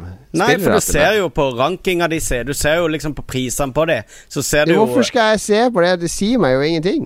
Okay, de som koster okay. mest, er de er det, det største sjanse at de gjør det bra? Kan vi la være å snakke om fantasy fotball? Hva var spørsmålet, jeg har mista tråden. Nei, vi var inne på EM fordi du fortalte om EM-spillet, Jon Cato, ja, i Pro Evolution. Ja, ja. Og Derfor vil jeg bare nevne det, Fordi at eh, jeg kommer i hvert fall til å spille fantasy fotball denne runden her. Jeg hadde ja, håpet at uh, kanskje Lars ble med. men jeg kan bli med hvis du kjøper spillere for meg. Ja, men jeg kommer jo til å gjøre det for meg. Ja, ja, men jeg bare kjøpe noen andre til meg. Så lenge jeg slipper å sitte og se på en masse lister med navn som Louise og Romano og Gregor og eh, Schwarzenballe og hva de heter for noe. Men jeg kan, jeg, jeg kan jo ingen fotballspillere, så jeg, det sier meg ingenting de listen. Agan oh blir God. det, det, det er altfor mye der. Du har forklart ja, får, hva det er. Du har forklart hva det er. Du får, du får klippe Du får klippe litt ja, det, her. Det er det klippe. Uten tvil gjøre. Ja. ja. Nei, men uh, tilbake til Pro Evolution Soccer. Jeg, jeg, tar med meg Pro Evolution Soccer på Klekken neste uke. Jeg rigger det opp på rommet mitt med en skjerm. Det blir fritt frem for alle som kommer til Klekken neste uke, til å spille litt EM. Litt hands on spilling, ikke sitte med en sånn der uh, Tolkien Fantasy uh, EM-league. Så yes. oh, ja, så det, det, er ingen dverger eller magikere i din uh, i, Nei, det er det, det er det, som må til for at Magnus skal interessere seg for fotball. Dverger og magikere på banen. Og en ballrog i mål. Ja, ja. Eh, neste spørsmål er han Jeppe Beck Laursen. Hvordan Division er på vei til å bli det spillet alle ville det skulle bli. Mm. Ja, det er vel samtaletema. Division. er Division på vei til å bli det spillet alle ville at det skulle ja, bli? Ja, det har nå blitt litt bedre med forrige patch. Nå er det jo Jeg ville at det skulle bli interessant og variert. Hva, hva må Ubisoft vise fra Division på sin pressekonferanse nå på Etere for at du skal komme tilbake på Division-toget, Lars? Dverger og magikere. Problemet er litt sånn som Problemet er litt sånn som med Overwatch, at uh, folk har falt litt fra. Mangler litt folk å spille med. Du trenger fire i gruppa ikke sant, for å gjøre de hardeste tingene. Og vi sliter med å få mer enn et fire, nei tre samtidig. Men jeg har, vi er fire kompiser, så når vi får det til, så er det greit. Men du må grinde ganske mye for å få bra utstyr. Men nå er det mer ting å gjøre solo.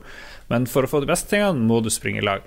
Og dere husker den der Dark Zone-greia, den her PVP-sonen. Den er nå blitt sånn tusen ganger verre, og det er umulig å springe alene egentlig hvis du ikke har veldig bra utstyr. For den skyves du automatisk stort sett opp i en sånn hardere gruppe. Men det har blitt mye bedre, da. Det har det. Så, jeg er fortsatt uh, level 14. Ja, du er fortsatt level 14. Og så spurte også Rikard Kvål mer The Division. Og jeg vet ikke, jeg har ikke mer Division i meg. Altså. Jeg har, jeg har, jeg er, du, er, du over, er, det over for deg, Lars? Nei, jeg spilte litt her i overgård, eller hva det enn var. Men det har faktisk hatt litt lite tid å spille i det siste, så da ja, var, det, var det platinum-trofeet som tok lufta ut? Den siste lufta ut av ballongen for deg? Jeg er bare å drepe sikkert 15 rogues unna platinum, så det blir min første. Kanskje, kanskje det er motivasjon? Hmm. Ja, det høres ut som motivasjon for meg, i hvert fall. Ja, Det er ikke så jævlig vanskelig. Det er bare å finne noen sånne noob rogues og skyte dem i ryggen. Så det ja.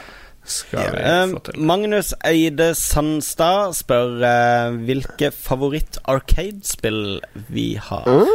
Jeg vet ikke. Jeg spiller ikke så mye Arkade. Ja Jeg syns det er så kult å se de her uh, Capcom 2D-slåssespillene. De der uh, sånne Street Marvel Street Fighter ja. Nei, det er jo 3D. Uh, ja, ikke Street Fighter. Unnskyld. Uh, det er jo 2D. Marvel versus Capcom. Ja, de der der hvor du hadde sånn Cyclops ja. kunne skyte, og den ja, der, der den første der var ufattelig kul å se på. Ja, X-Men X-Men versus Street Fighter, var ikke det? Mm. Ja, sånn. Det hadde jeg på Eller har det fortsatt på Sega Saturn, japansk, med rammeutvidelse RAM-utvidelse. Det spilte jeg på PC, alle ting. Mm? Og det funka egentlig ganske greit. Kunne ikke spille det. det, det var magisk å gå i Arkadehallen da jeg var yngre, da fordi det, mm. grafikken var så beyond det vi mm. kunne få til på Commodore 64. Og, og, spesielt når de fikk inn nye maskiner, bare se hva, hva de hadde funnet på. Men det uh, Kanskje favoritt Altså Jeg har veldig lyst til å spille det der eh, Killer Queen-spillet som Dave Lang og, og, Team GFB snakker om. Det som Dave Lang har kjøpt inn til Iron Galaxy-kontoret. For det er sånn hva er det, fem ganger fem multiplayerspill. Det er sånn gigantisk arkademaskin der det skal stå sånn åtte eller ti stykk rundt to svære skjermer og spille. Mm. Og der, der, de er sånne bjørner som kan bli til bie. Det er en sånn killer, en dronningbie, og det er bjørner som skal prøve å ri på en snegle eller ja. mutere til krigere. Uh, det er sånn det er et lagspill, da, der man må spille på lag mot et annet lag, som skal være mm. skikkelig, skikkelig kult. Det høres veldig bra ut, i hvert fall ifølge Team GFB. Så, så, det er i hvert fall det arkadespillet jeg er mest nysgjerrig på av alle arkadespill for tida. Et spill jeg alltid hadde lyst til å spille, er det det japanske der velte bordet-spillet. Ja! Det ser så kult ut. Ja, så det skulle jeg ønske jeg Hva er det for noe? Forklar. Er, du sitter ved et bord, og så uh, sier du typisk Er det ikke du sitter med en veldig sånn irriterende familie? Jo, level 1 tror jeg er du sitter med en veldig irriterende familie, da, og så er du den sinna faren. Altså Når familien går uh, out of line, så skal du slå i bordet sånn hardt. og da skvetter alle og ser på deg. Altså Når du har fått nok, så bare tar du tak i bordet. Det er sånn lite bord på arkademaskinen, så skal du røske det opp og så på skjermen, og så bare spruter maten og sånn. Jeg tror det er flere stadier. Jeg tror du også skal i et møte møte der du gjør det samme. Ja, på restaurant tror jeg òg, at du ja. får dårlig service. det er et veldig bra konsept. Veltebordspillet. Da, da, ja, det er kjempelyst Da jeg var liten, så hadde jeg jo ikke penger til å spille de her. Så uh, noe av det første jeg spilte, var vel de her Galaga-aktige spillene hvor jeg trodde jeg sto og mm. spilte. Og, men det har fulgt meg liksom opp gjennom tenårene, da. Når vi var i England på ferie og språkreise, så drev jeg og så på et spill som var et hologram, faktisk. Det var en sånn liten sånn svart bord, og så kunne du gå rundt og se karakterene stå opp. Det var sånn her eh, Star Trek-tech som jeg ikke Det går sikkert an å finne ut hva det heter, men jeg husker ikke hva det heter nå. Og så det aller kuleste jeg så i England, det var en sånn 300 skjerm hvor du spilte i en sånn Namco-aktig spill hvor du bare fløy rundt i verdensrommet. Det var sånn on rails-shooter og skjøt på ting som kom mot deg rundt omkring. Men det var at det var så stor skjerm som var så fantastisk mm. spennende uh, der. Ja. All right. Mm. Nice. Da er det enda et spørsmål fra Magnus. Bør snakke om nye AMD-grafikkortet. Aner ja. Det som eh, kommer noe om lenge til. Jeg husker ikke hva det heter engang. Ja, vi bør ikke snakke om Nei, det, så la oss gå videre. R9? Nei. Ja. Tore du har, fått, du har hatt et spørsmål allerede, Magnus Eide Sandstad, så det får holde. Tore Karlsen, hvilket favorittøyeblikk har vi fra Assassin's Creed-serien? Uh, Mitt favorittøyeblikk var når jeg runda eneren og slapp å tenke på det mer nå kan jeg anmelde det og glemme det. da var jeg glad. Jeg spilte bare det sjørøver, det Black Flag, eller hva det Ja, det er faktisk mitt favorittøyeblikk, for det er det, det eneste Assassin's Creed-spillet jeg hadde skikkelig gøy med. Mm. Uh, bortsett fra at det var et Assassin's Creed-spill som ødela for sjørøveropplevelsen. ja, det var litt gøy å fly rundt med de her båtene. Det var sånn ja, Pirates i 3D på et vis. Det var gøy. Jeg, jeg syns det er noe Det er et eller annet som bare skurrer med hele serien, for min del. Hele den ja. der, der Matrix-vinklinga de syns jeg er så fjollete. Ja. Jeg, Vi er ikke store fans. Ja. Not big fans. Beklager. Ja. Vi hopper videre. Uh, ja, Erik Berntsen uh, hører at to tredjedeler av Lolbua skal til Kristiansand i sommer og spør om det blir spillquiz. Oi, det har jeg glemt å følge opp. Hashtag entitled fan. ja, Vi snakka litt om å ja, kanskje det, få til noe der, men jeg har ikke klart å følge det opp i det hele tatt. Men heldigvis er en av oss arbeidsledig og ja. studieledig, ja, så kanskje du rekker å prøve å uh, ta kontakt Eller jeg kan høre med de folka vi snakker om, å ta, snakke ja. med. Vi, vi, går i hvert fall og leker med ideen om å kunne ha en quiz i Kristiansand. Men Berntsen, kanskje, kanskje han Eirik Berntsen er en enabler her, og han kan hjelpe oss uh, å rigge til noe. Jeg vet ikke, ja. Kjenner du han Eirik Berntsen? Nei. Uh, men, men uh, ja, jeg tror ikke vi skal rigge så mye. Men uh, vi Vi prøver, Eirik. Så får vi det til, så får vi det til. Det blir i hvert fall spillquiz allerede neste uke ute på Klekk. Bekken. Det gjør det. Og da er vi egentlig ferdig med spillquizer for denne sommeren. Da blir det ikke noe nytt før tidligst i august, så ja. Ja. Vi får se hva som skjer. Jeg håper Hvem er det som har gitt meg det der møkkalange spørsmålet til Andrete Bergo? det var så lett da når ikke den var min. uh, ok, jeg, alltid når det er sånn lange Det er min nye policy. Alltid når det er lange spørsmål, så spør jeg, tar jeg bare siste setning. Prismessig blir det også stykkevis eller for full pakke. Hvor går grensen? Anus. yes, hva Ok, da. Nå som sesong seks er i gang både på Game of Thrones, skal det komme spoilere nå, så nekter jeg i hvert fall å lese det spørsmålet. Det er ingen spoilers. Er, du, det er ingen spoilers. Okay. Eller var det Lord of Dance? Nei, og Diablo 3, sesong 3 på Silicon Valley, og så mye mer slo denne tanken meg. Er det noen fremtidige spill, uavhengig av sjanger og uten hemninger, dere kunne tenkt dere mer, var mer episodebasert, slik at de lettere kunne fordøyes for så å returnere på et senere tidspunkt? Når det er så mange virkelig store spill som slippes over årene, så finner jeg stadig vekk mindre og mindre. Til jeg vet derfor å lure på om dersom noen av de hadde blitt servert porsjonsvis, om jeg hadde kommet meg gjennom flere eller ei, hva tror panelet er vi for eller imot denne typen leveranse? Tenker ikke nødvendigvis på historiespill som teller Games som en liten Ok, for det første, første altså, svaret mitt svaret mitt til Andrete Bergo er at det spørsmålet kunne med fordel vært delt opp i stykkevis og levert over flere episoder. ja, um, kanskje vi skal dele opp spørsmålet eh, og Det han spør om, er om spill er blitt for store, og at de hadde blitt styrka av å bli splitta opp i flere episoder. Ja, han spør om det er noen vi kunne tenke oss, var det ikke det? Jeg vet ikke. Uh, altså, ja. Er det noen fremtidige spill, uavhengig av sjanger eller uten hemninger, dere kunne tenkt dere mer episodebasert? Altså, uh, uh, både meg og deg, Jon Cato, har jo ikke runda The Witcher. Begge to har spilt et stykke, og så slutta vi å spille på det. Um, mm. Litt stress å begynne å hoppe rett inn i det og fortsette der du slapp. Så du ja. har begynt på begynnelsen igjen, har du ikke det? Ja, Så da er egentlig det han spør seg sjøl, er hvis var Hvis uh, The Witcher hadde blitt servert i sånne her uh, bite-size-episoder Kanskje, ja.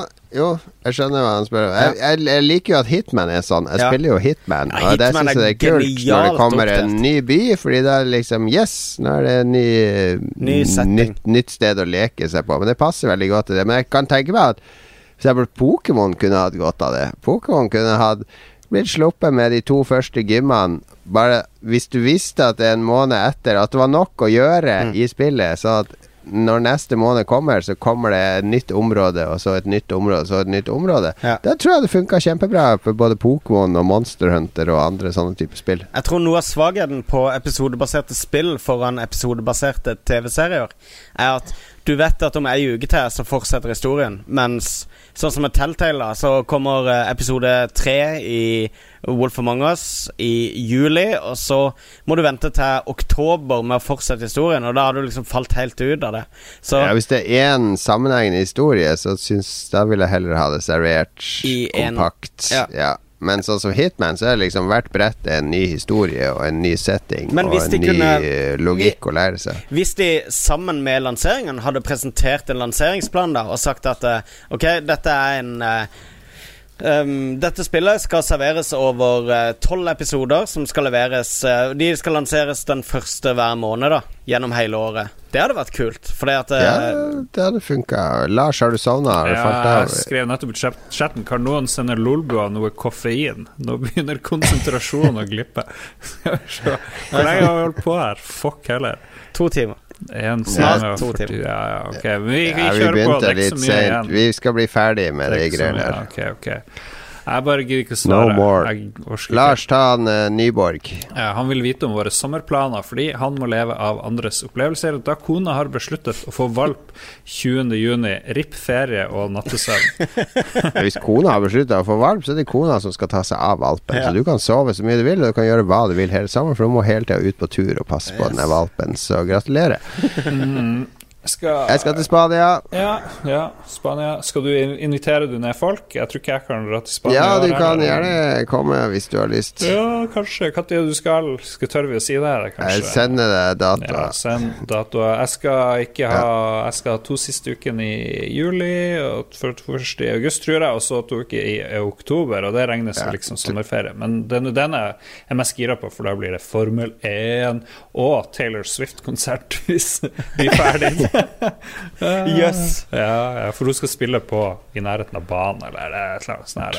When in Rome. When in jeg drar um, først til Kristiansand sammen med Jon Cato i slutten av måneden for å dra på Kvart 25, eller Q25. Mm. Det er 25-årsjubileum på Kvarten. Ja, Så kvart, jeg, skal, jeg skal på Kvarten. Woo!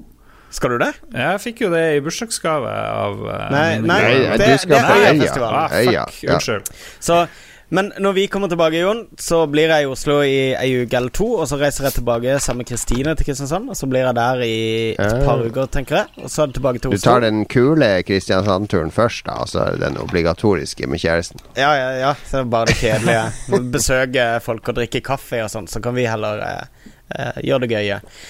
Ja. Um, men så er det tilbake til Øyafestivalen i Oslo til slutt, mm. som jeg har kjøpt meg pass til både torsdag og lørdag. Det gleder jeg meg nice. dritmye til. Det kommer ja, til å bli, bli gøy. Konge. Da kan vi lage sending fra øya på torsdagen, faktisk, hvis vi møter opp på formiddagen. det, er, det høres ut som en god idé akkurat nå, kanskje ikke da. Etter noen øl? Mm.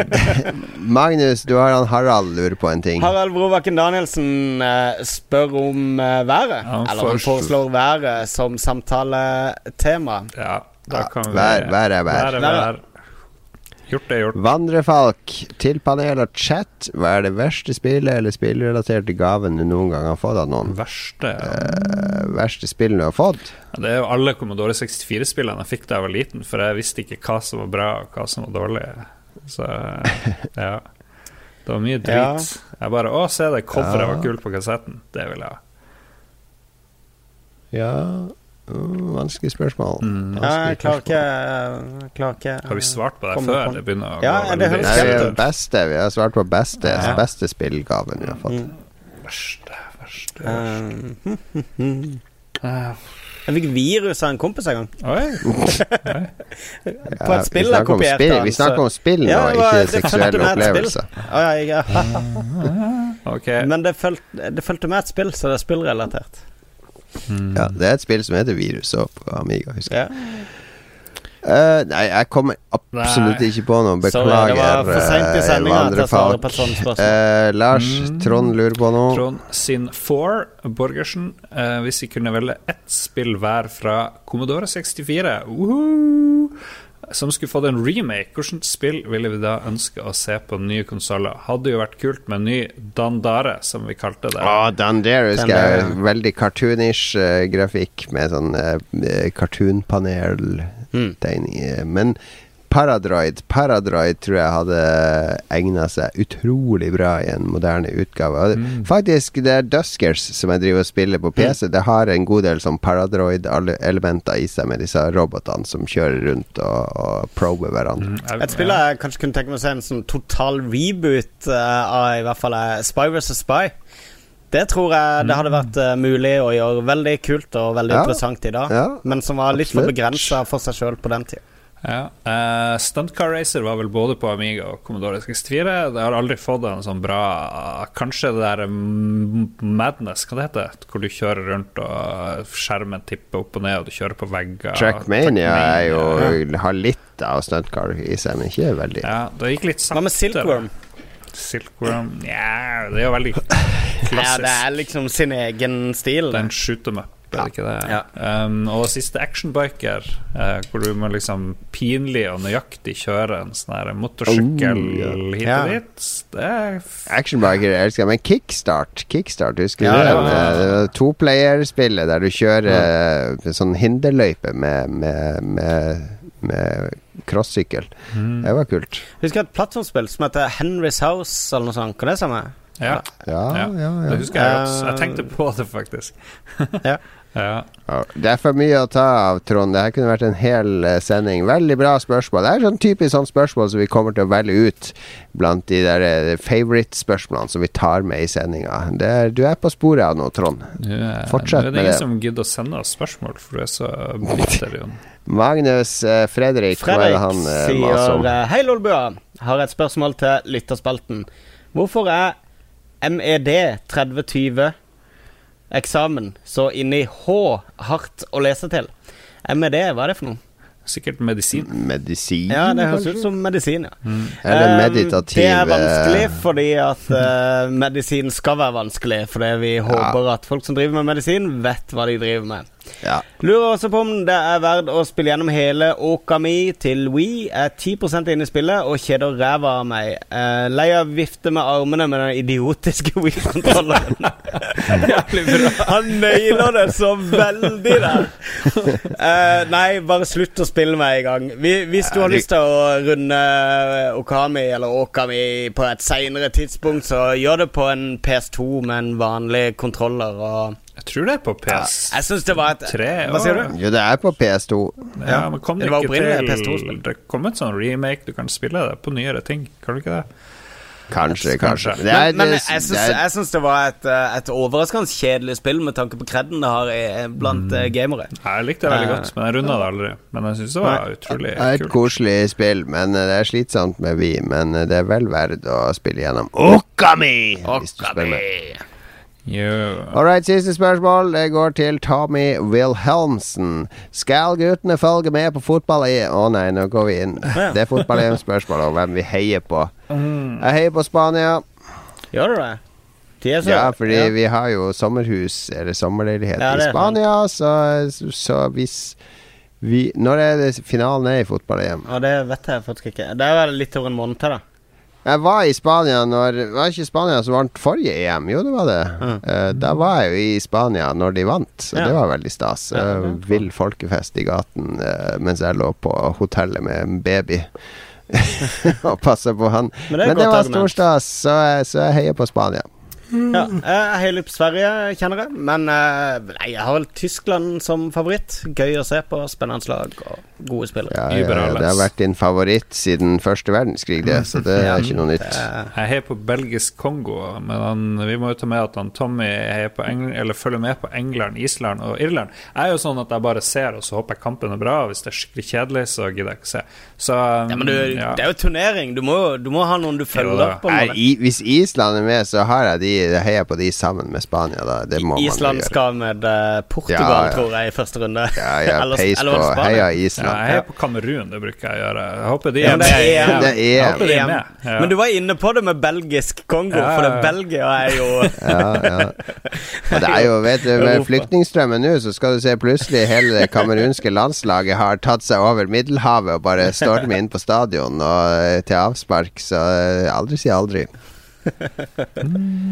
Right, det var sendinga vår for denne gangen. Uh, det er siste gang vi kommer til å gå gjennom så mange lytterspørsmål. Det er ikke det at vi ikke blir glad for at de kommer inn, men vi føler at vi vil gjerne lage litt sånn temasendinger igjen.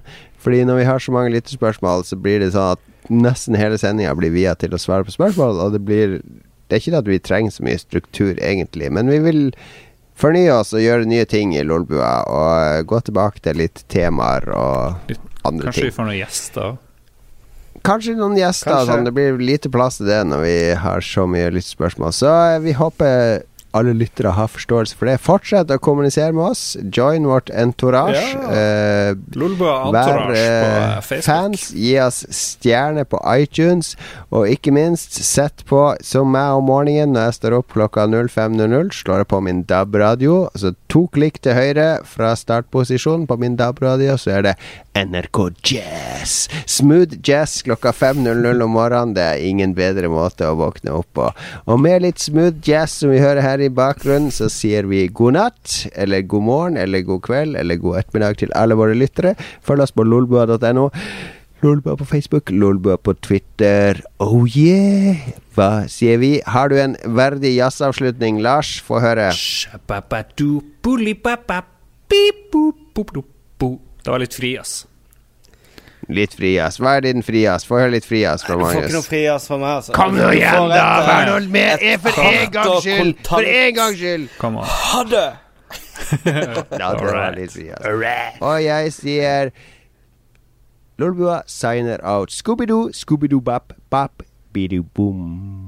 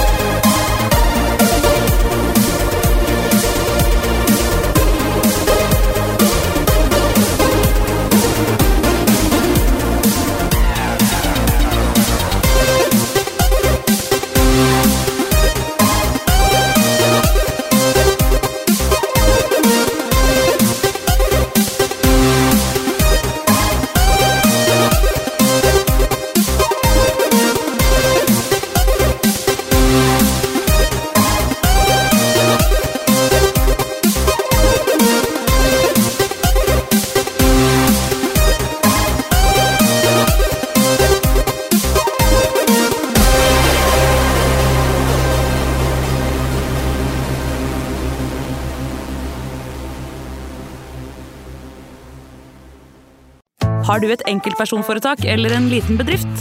Da er du sikkert lei av å høre meg snakke om hvor enkelt det er med kvitteringer og bilag i fiken, så vi eh, gir oss her, vi. Fordi vi liker enkelt. Fiken superenkelt regnskap.